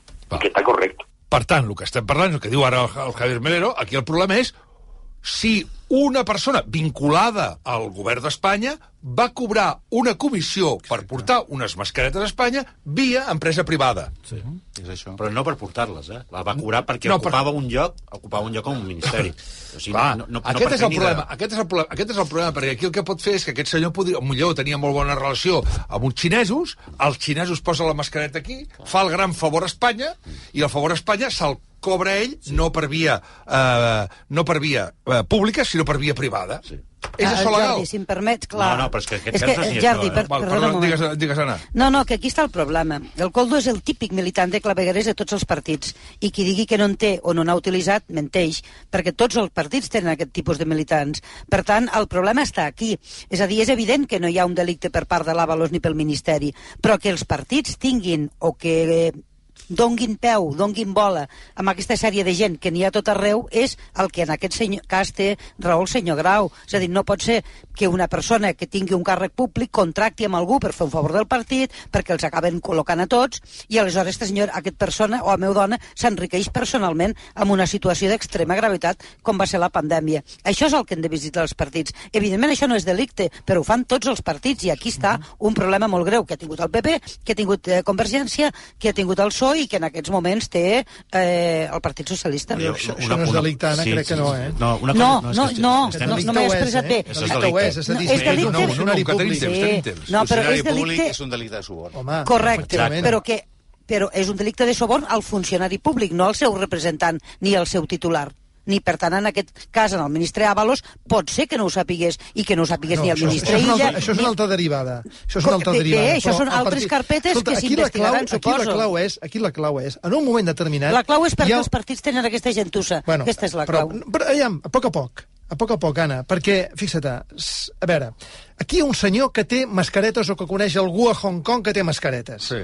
I a un moment determinat els diu, escolta, jo les vull col·locar, i, efectivament, contacta amb aquest personatge obscur, en aquest tal Coldo, que, perdona'm, com tu dius, a tots els partits n'hi han, sí. i que són, són necessaris, no, però que a vegades fan una feina que si no no es podria fer d'una altra manera, perquè, escolta, són els que tenen aquest tipus de contactes, Els noi. que es presenten com a solucionadors. Ah, solucionadors. Això la vida és així, Presenten, no? vull dir eh, que no fotem. els I en aquell moment, de- i en aquell moment, doncs, el ministre eh, diu, escolta, tu, tirem milles perquè aquí el que fan falta són mascaretes.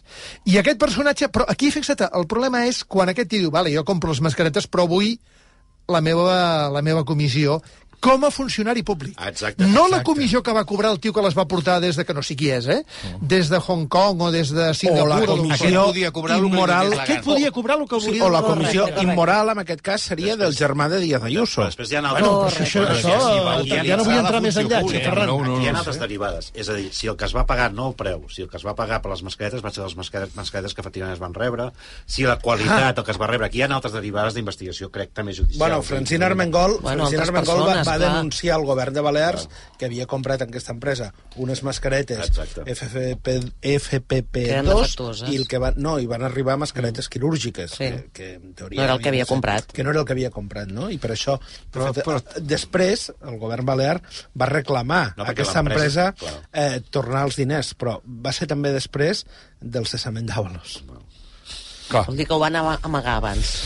Bueno, eh, ja, Ah, però clar, amigos, però tot van- això, tenint un lletret aquí, tot això són, són, són suposicions. Clar, són cabòries. Clar, clar, No, són no, cabòries. que vull dir, Bueno, però això, però que- to- tornem al principi. El PSOE ha d'explicar tot el que És sap. que saps quin és el problema? Si això, com diuen tots, és el centre neuràlgic de la sobirania popular, com és el Congrés, avui Pedro Sánchez s'ha defensat, però sense donar cap explicació, s'ha defensat dels atacs de corrupció i Tomàs del PP, però avui hagués estat un gran moment, jo crec que ha de ser així, perquè Pedro Sánchez expliqui exactament Clar. el que ha passat, perquè és que en el- a les èpoques que estem vivint, ningú, després d'escoltar avui Ábalos, després d'escoltar un lletrat com Javier Melero i les vostres opinions, i aquest senyor, que con, con él empezó todo, te n'adones de que, de que sí, sí. tothom es pensa que estem parlant de les mascaretes i no estem parlant... Sí que clar que estem parlant de les mascaretes, bueno, però no, però que no, no, estem parlant de la contractació de les mascaretes per No, part del no, govern no, no, d'Espanya, no, no. que es va, segons el Suprem, es van realitzar amb totes les garanties i amb tota l'honorabilitat possible en aquella època. Aviam, perdona, Jordi. Totes les garanties, no.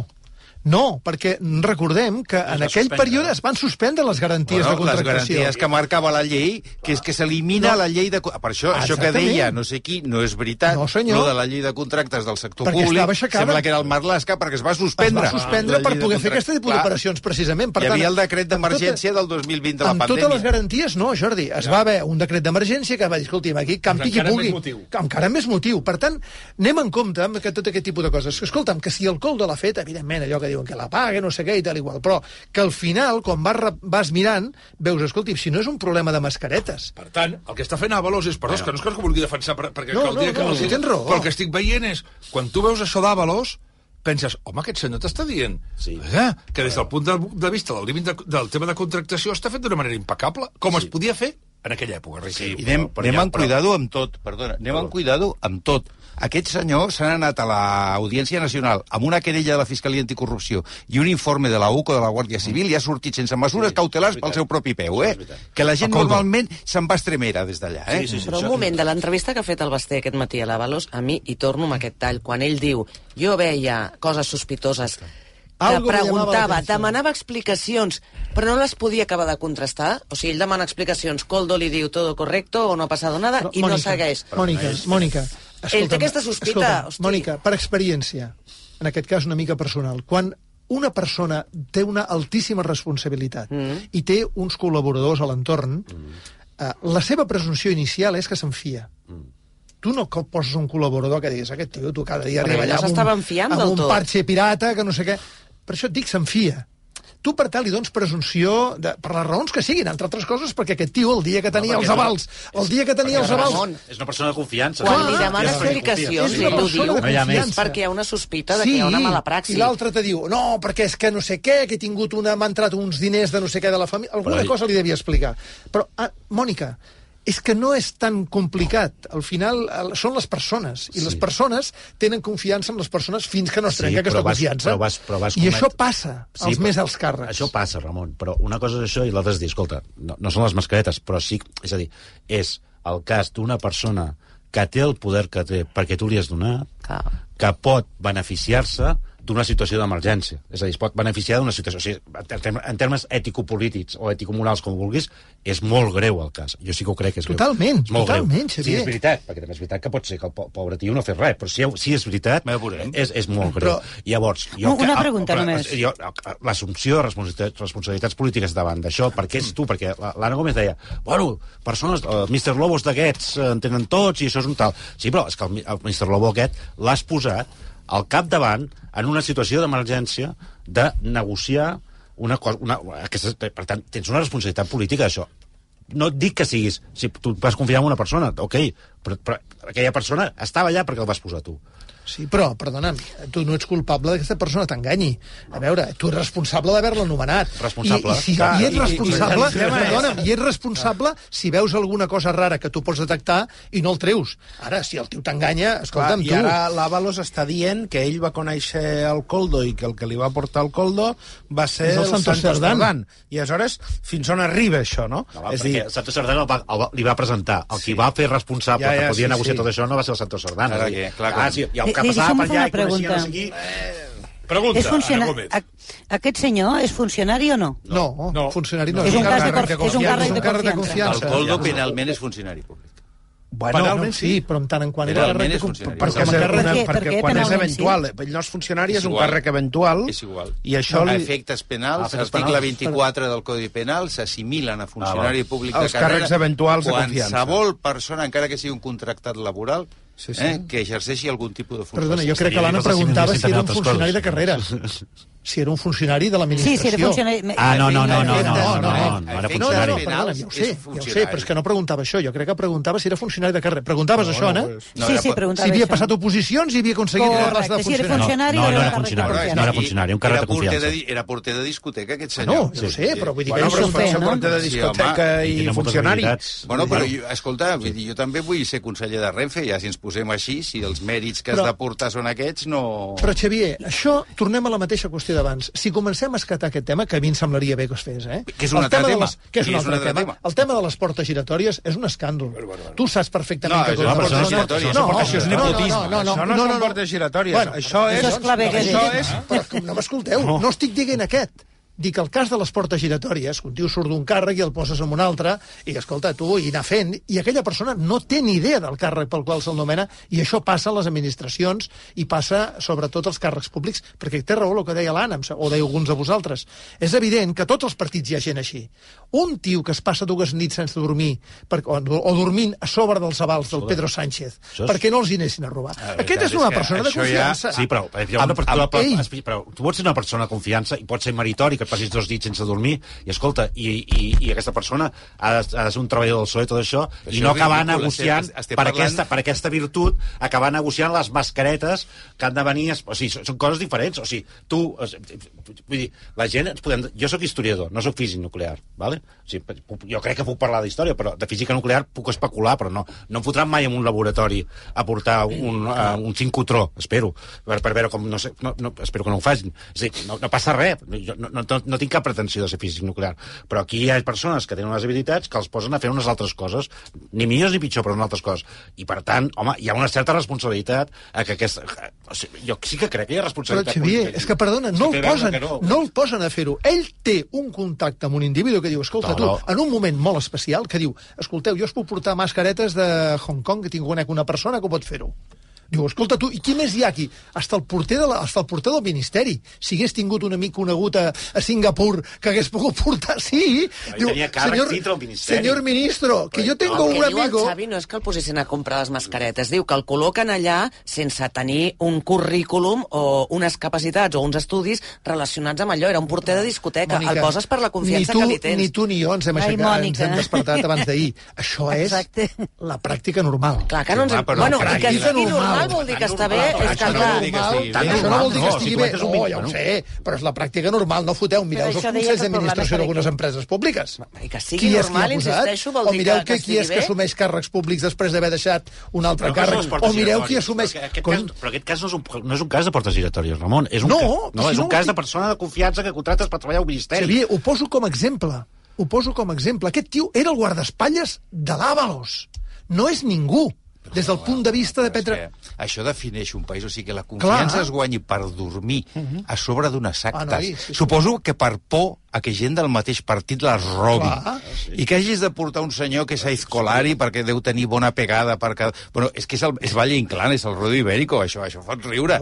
I aquestes són les bases de la confiança política per designar assessors. Xavier, uh, Doncs aquí està un dels problemes si greus de la Si comencem a obrir política. melons a la resta del món, això no està ple tot arreu, Ja, ja, eh? bueno, però- a veure, però és un- fotem, és un consol eh, molt relatiu. Molt petit. A- Això no està ple, i el tema de Renfe eh, que dius, de fet, és un tema, malauradament, que és habitual a les administracions. És a dir, per exemple, a l'administració Ah. de la Generalitat de Catalunya hi ha un munt de consells d'administració, de, de l'ACA, de l'Institut Cartogràfic, d'un munt d'ens que s'han de proveir amb els càrrecs de la mateixa administració doncs, que, que els hi toquen allà amb una reunió, a vegades amb temes mm, dels que en tenen una idea, mm, més aviat poca idea, diguem-ne, no?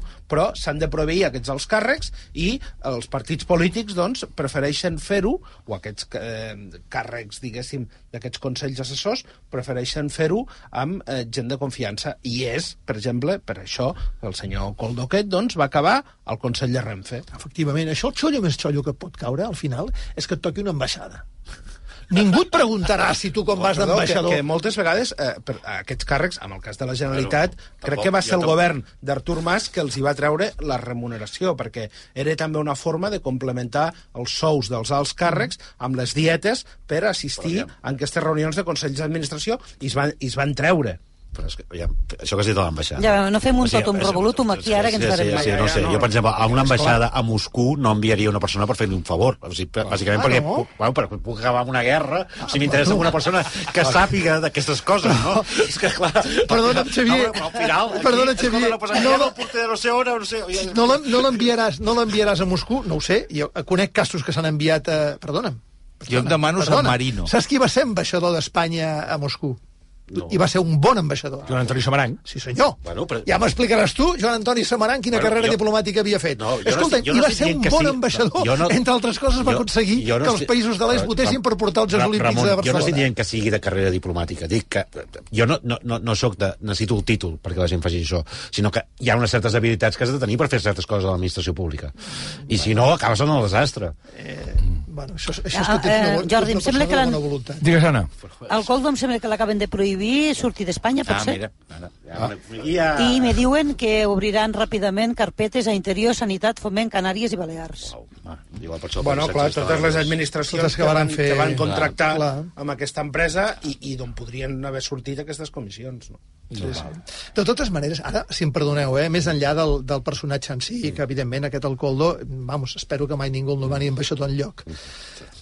Eh, quan tu cobres 1.500.000 euros de comissions, com sembla que va cobrar aquest senyor, pretendre de comissions, diguem-ne, en aquest cas, una, una, una comissió que no la podia cobrar perquè era un funcionari públic, com molt bé diu el Xavier, encara que no fos un funcionari de carrera. Pensar que no t'enganxaran, ets molt idiota, eh? Sí, sí, sí. Perquè, és clar, és que, és que jo no sé Perquè com... ho va, ho va ingressar a la seva compte És que ho va ingressar al compte corrent, i llavors va començar a fer maniobres rares amb els fills i Sí, no sé què, i comprar un pis pisos i tal, igual. Però pensar que no t'enganxaran... Però, però tio, tu quin món vius? Tu quan ingresses un milió i mig en dos mesos, algú dirà, escolti, perdoni, això on t'ho ha tret vostè? És la pregunta no, no m'ha que passat faig. mai, però... Com que no l'ingressarem... Dir, no sé què passa quan ingresses un milió i mig. Mira, mira que jo, mira que jo, no? Però, però és que a vegades tu mires des de fora i dius com és possible que algú pugui fer coses Sí, d'aquest sí, tipus sí, sí, pensant que no l'enganxaran? Va posar una casa al nom de la seva filla. Va posar un nom... No, és que era menor d'edat. Menor d'edat, Una filla menor d'edat. Va agafar els calés i els va intentar netejar a través de no sé quina operació va fer i Jo tal. et dieu... Hosti, és que arriba un moment que dius, tio... Dieu que tot això sempre passa i és així, i el Xavier Medeiros se'n fa creus, per... jo potser estic equivocat i deu És veritat que hi ha una època de la política, jo, jo no sé si en recordeu del, del Cas Roldán, que Sí, era ministre d'Interior, Ah. Que jo era, jo ja era com... eh, perquè era ministre, havia falsificat No, ministre títols. no, era director general de la Guàrdia Civil. Guàrdia Civil, però havia falsificat... O sigui, tot això. I jo, jo o sigui, vull pen... o sigui, jo hi ha un tema que crec que això no, no és exactament igual. És que, aviam, jo ja entenc que tu tinguis persones de confiança, però no cal fotre'ls en un ministeri. Per una cosa bàsica, és que els ministeris són instruments complexos, és a dir, no, no és arribar allà i fotre el que et passa pels nassos i, bueno, em sembla tot... Bueno, jo crec que sí que hi ha d'haver una assumpció de responsabilitats polítiques d'això. És a dir, que tot això flori i que hi hagi una situació d'irregularitats eh, tan manifesta. Bueno, escolta, són tres quarts d'onze pràcticament. Alguna cosa, eh, que encara en queda... per- És que hi ha notícies d'última hora. Què ha passat? Home, però que... Eh, Us en recordeu de José Ramon Bauzá, qui va ser president de les Sí. Balears? Sí, sí, sí. Doncs el Parlament Europeu l'ha amonestat per assetjament laboral. La presidenta de l'Eurocambra, Roberta Metzola, li ha imposat perquè considera acreditat que va maltractar psicològicament un assistent. No hi ha multa ni expedient ni suspensió, però sí que, aquesta, eh, però sí que hi ha amonestació, aquesta amonestació pública. Bausà hauria amenaçat el treballador i li hauria imposat una càrrega de feina excessiva. Una. Dos. Atenció si esteu subscrits a Amazon Prime Video, que jo crec que és una majoria perquè, perquè ten, pues això. Està bé de preu. Clar, pel que paga, sí. Sí. sí. Bueno, a partir del dia 9 d'abril, les sèries i pel·lícules de la plataforma inclouran anuncis. Ah. Segons diuen, seran molts menys que els de la televisió convencional i que altres serveis de streaming. El preu, però, serà el mateix no tenen... fins ara. Però, però, però, però, si algú vol continuar Ah, pagant, no? sense veure anuncis, podrà fer-ho pagant dos euros més cada mes. Amb la qual cosa el que fan és eh, empetitir la publicitat, perquè estan dient, escolta, si no vols publicitat, eh, paga dos euros, que és el que val la publicitat. I després, Taylor Swift confirma que farà un altre concert a Madrid, al Santiago Bernabéu, dia 29 de maig, que és el dia abans del que ja feia mesos que s'havia anunciat. Les entrades es posen a la venda demà a les 3 de la tarda. Suposo que a les 3 i un minut, si el sistema no és un 10, quedarà col·lapsat, i si el sistema és bo, a les 3 i un minut estarà tot venut.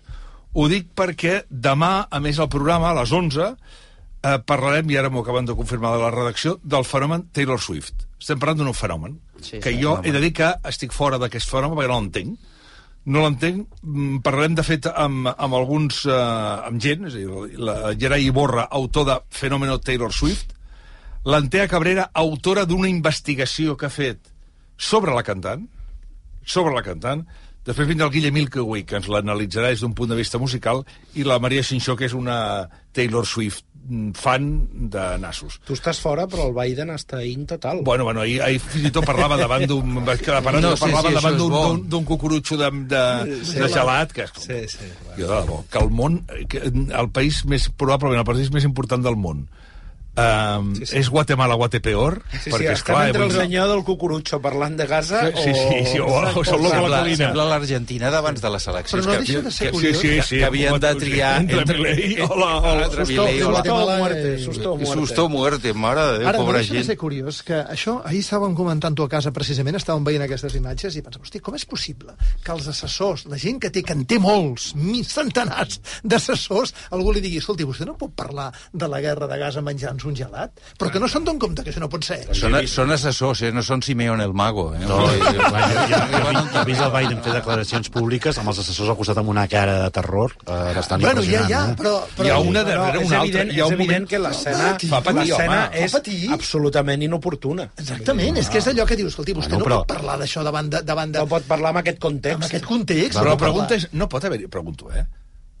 O sigui, als Estats Units, el Partit Demòcrata no pot crear un... No hi ha un, algú que diguis, mira, fa quatre anys, recordo que fa quatre anys parlaven que la gran esperança era Kamala Harris. Sí. Ja, ja, I ja va desaparèixer ja al cap de van 15 pensar. dies. Vaya, Bluff, Ah. sembla la Yolanda Díaz. Toma ja. Acaba d'aparèixer- Ara, per què obres Adam. aquests balons aquí? Es Hola. està parlant del d'allò, és Ah, però l'ha has dit, has dit Yolanda Díaz? Hola, Xavi Domènec, bon dia. No, és igual. Deixa amb que anaves i deixa, deixa aquest, aquesta cosa. Aquesta cosa, diu... No, Ai, Jordi, no, No, però sí que està, està ben pensat. No està, pot sortir, està ben sí, pensat. però no- no- no va anar bé i- Havia de ser Kamala Harris i s'han quedat sense pla.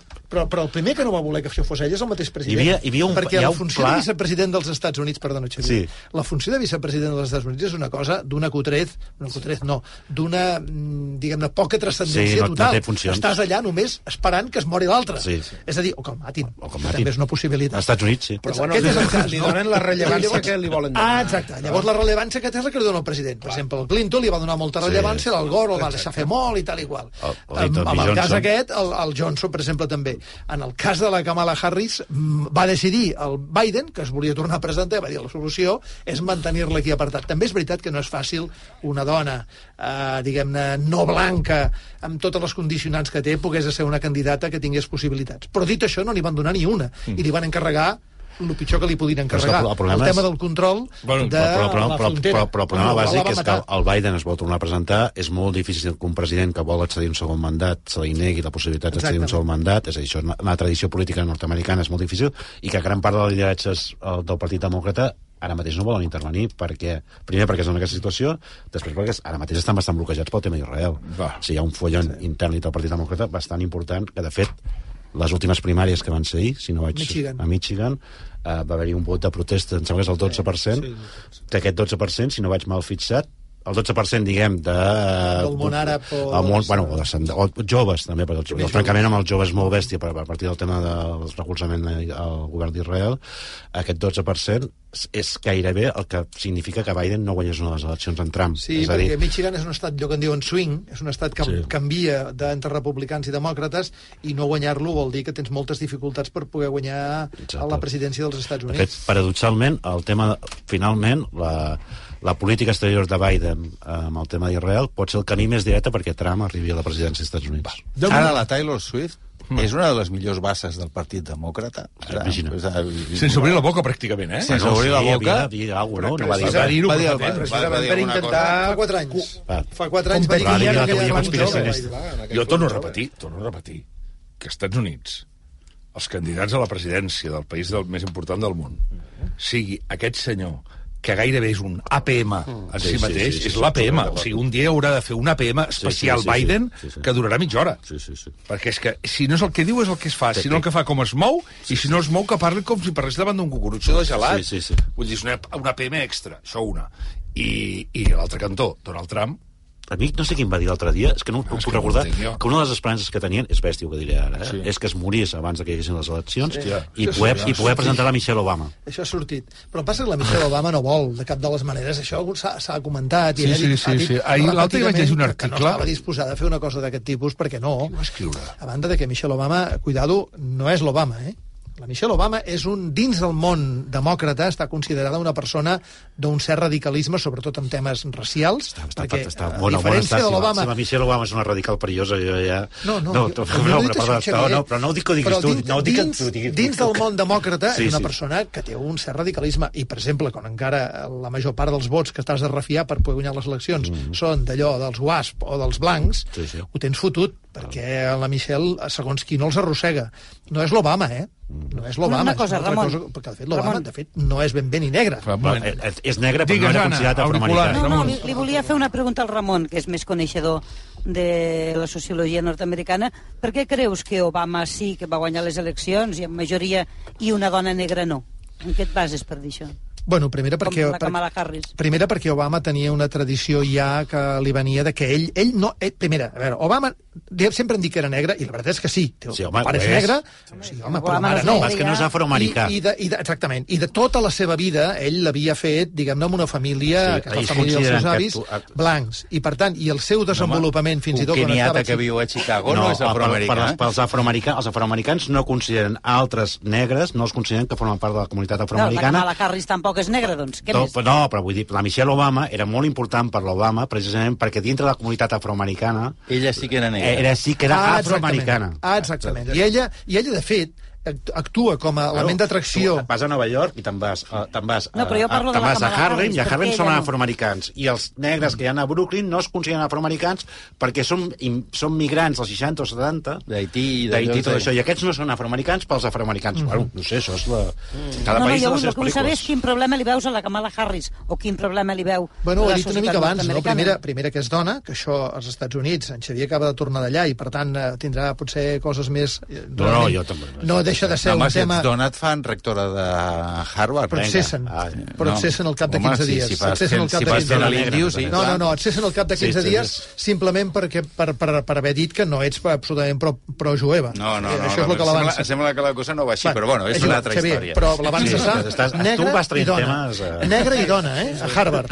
Home, si vols tornem a Avalos. No, però amb el, tema, amb el tema de la Kamala Harris jo crec que hi ha dos o tres raons. Primera, hi ha una decisió per part del Biden que decideix que no la vol promocionar i que no la vol ajudar.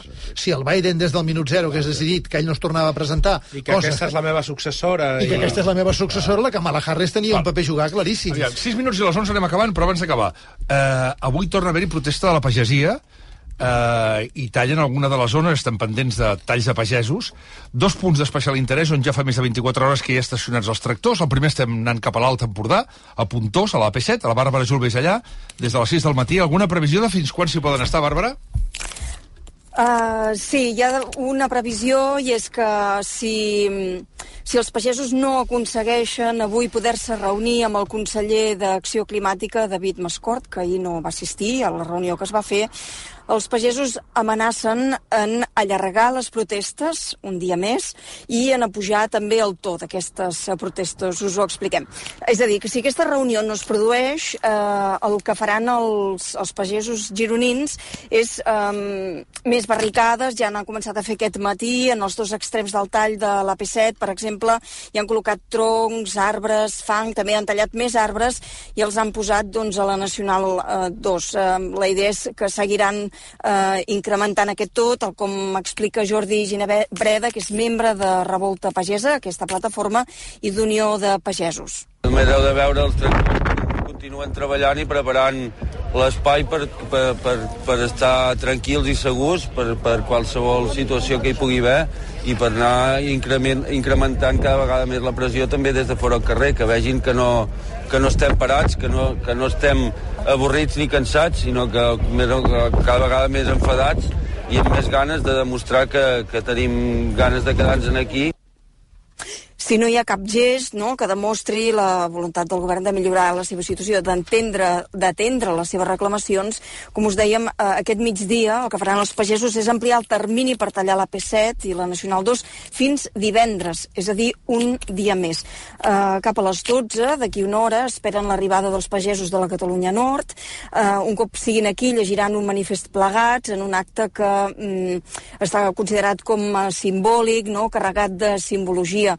Eh, perquè el que volen visibilitzar els pagesos és que els problemes no són només d'aquí, sinó també transfronterers i volen no, que Europa d'alguna manera també els escolti a tots. Molt bé, gràcies, Bàrbara, des d'aquesta zona, des d'aquest punt, des de Puntós, des de l'AP7, anem a, avall, uh, a l'AP2, a Soses. Julián Andrés, pinta que va per allà, també? Sí, estan a la, a la mateixa línia. Eh, ells diuen que, que volen volen fets, no, no paraules, i, i ens han dit que estaran aquí el temps que faci falta, un, dos dies, que allargaran el termini dels permisos, el que faci falta, però d'aquí no es mouran fins que ells veguin accions, accions concretes. També ens han deixat caure que potser podrien haver altres mobilitzacions, les estan pensant perquè també ens han dit que en el seu moment quan van anar amb els tractors a Barcelona va ser tot eh, molt, no precipitat però que no va estar planificat i que, que, bueno, que si no treuen algo concret miraran de fer altres mobilitzacions. Molt bé. Gràcies, Julen. Uh, Anna, vols dir alguna cosa al tema? Sí, que, que el pollastre, a part de Soses a l'autopista, està a l'autovia.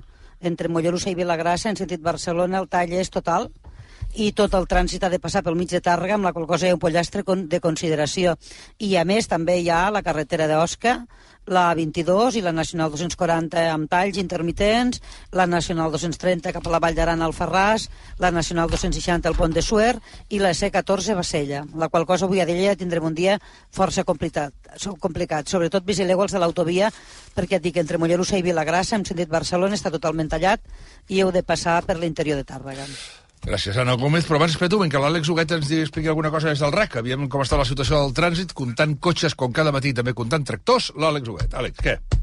Bon dia de nou. Doncs els principals talls a les demarcacions de Girona i Lleida per a aquests tractors provoquen més cues, en aquest cas a les vies alternatives. Pel tall de l'AP7 i l'N2 a Puntós hi ha molta congestió ara a la mateixa nacional, al tram del Far de l'Empordà o a la C26 des de Navata, així com a la C66 des de Serinyà cap a Girona i a la C31 a Torroella de Fluvià també en sentit nord i les dues vies amb uns 3 quilòmetres ara de cues. Per les manifestacions a l'A2 i l'AP2 a Vilagrassa i Soses, com bé apuntàveu, doncs la via més afectada és la mateixa autovia des del tram de Bellpuig i Mollerussa en direcció a Tàrrega, amb aquests 4 quilòmetres o més ara de congestió.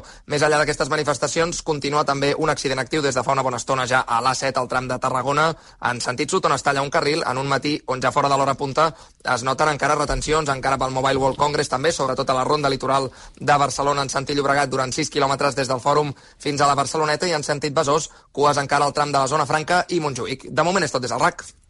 Gràcies, Àlex Huguet. Quan són pràcticament les 11, re, dos minuts i la Mònica Hernández per rematar-ho tot.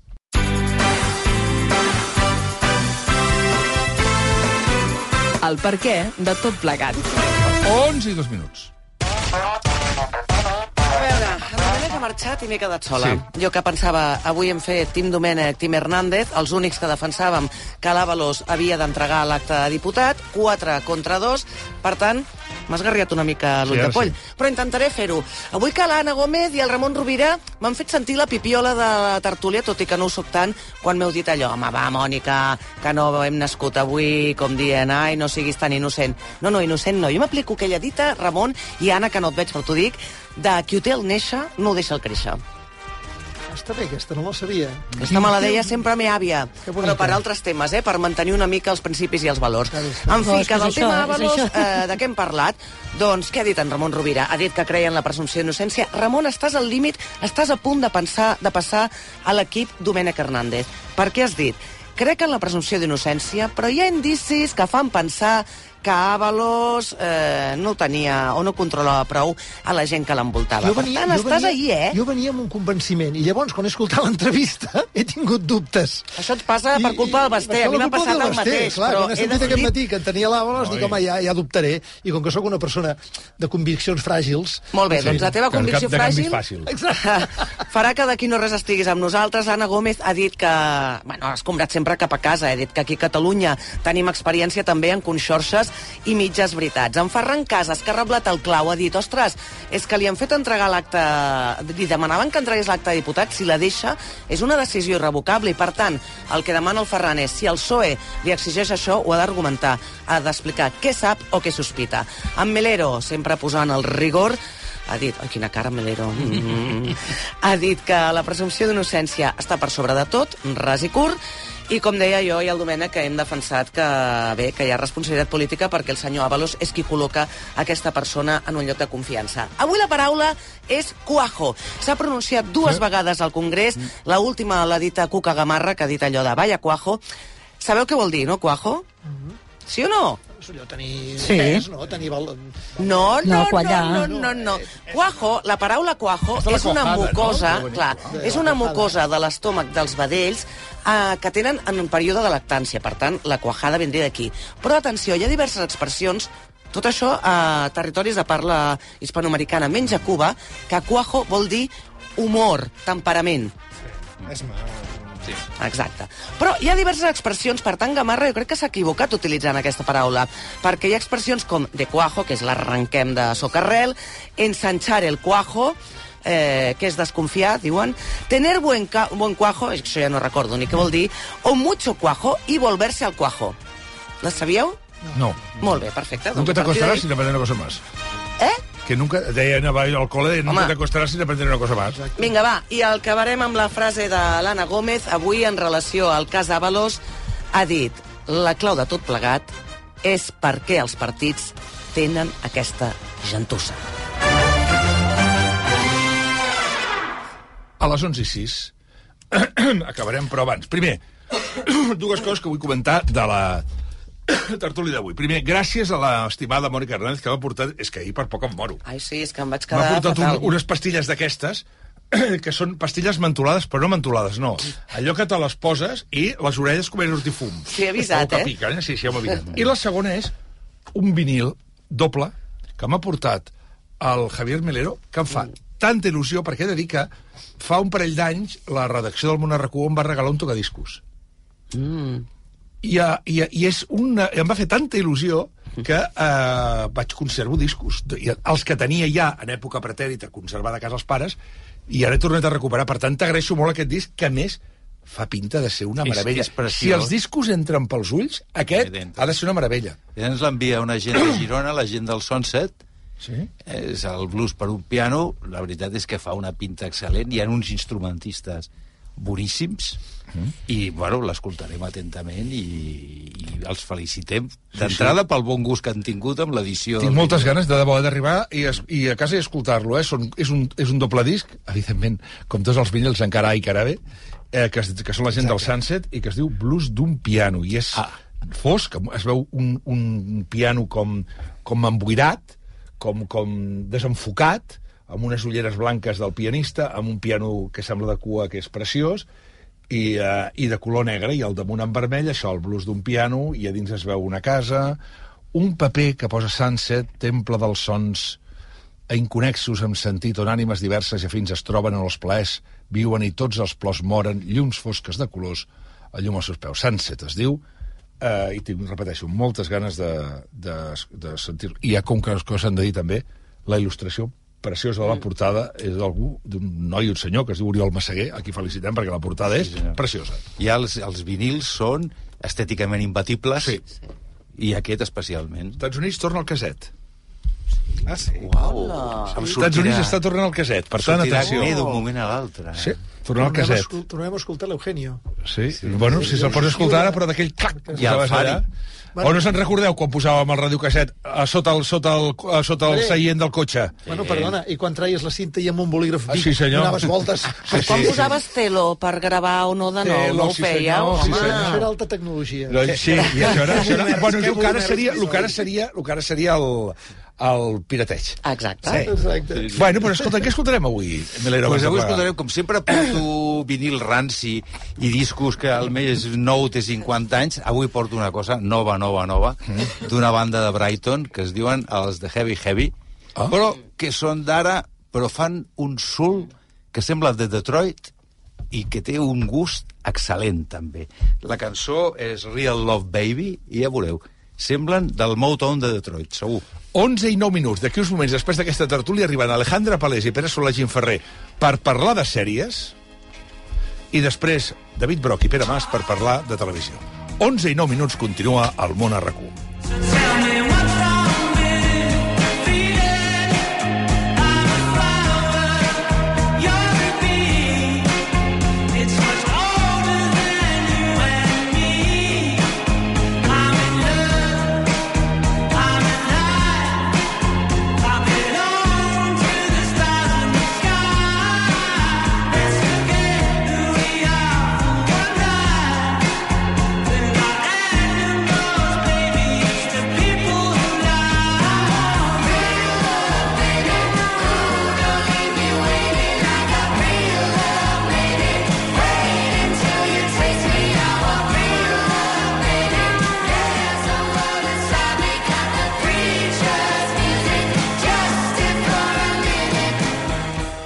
Banc Sabadell t'ha ofert el perquè de tot plegat. Sabadell, necessites un banc? Locutar un, an un anunci de ràdio aguantant el tipus mentre un se senyor que no coneixes de res et llança ganivets no és gaire corrent. Com tampoc és, és corrent que un compte corrent et doni tants avantatges. Compte online Sabadell. El compte corrent menys corrent. Informa-te'n i fes-te client a bancsabadell.com.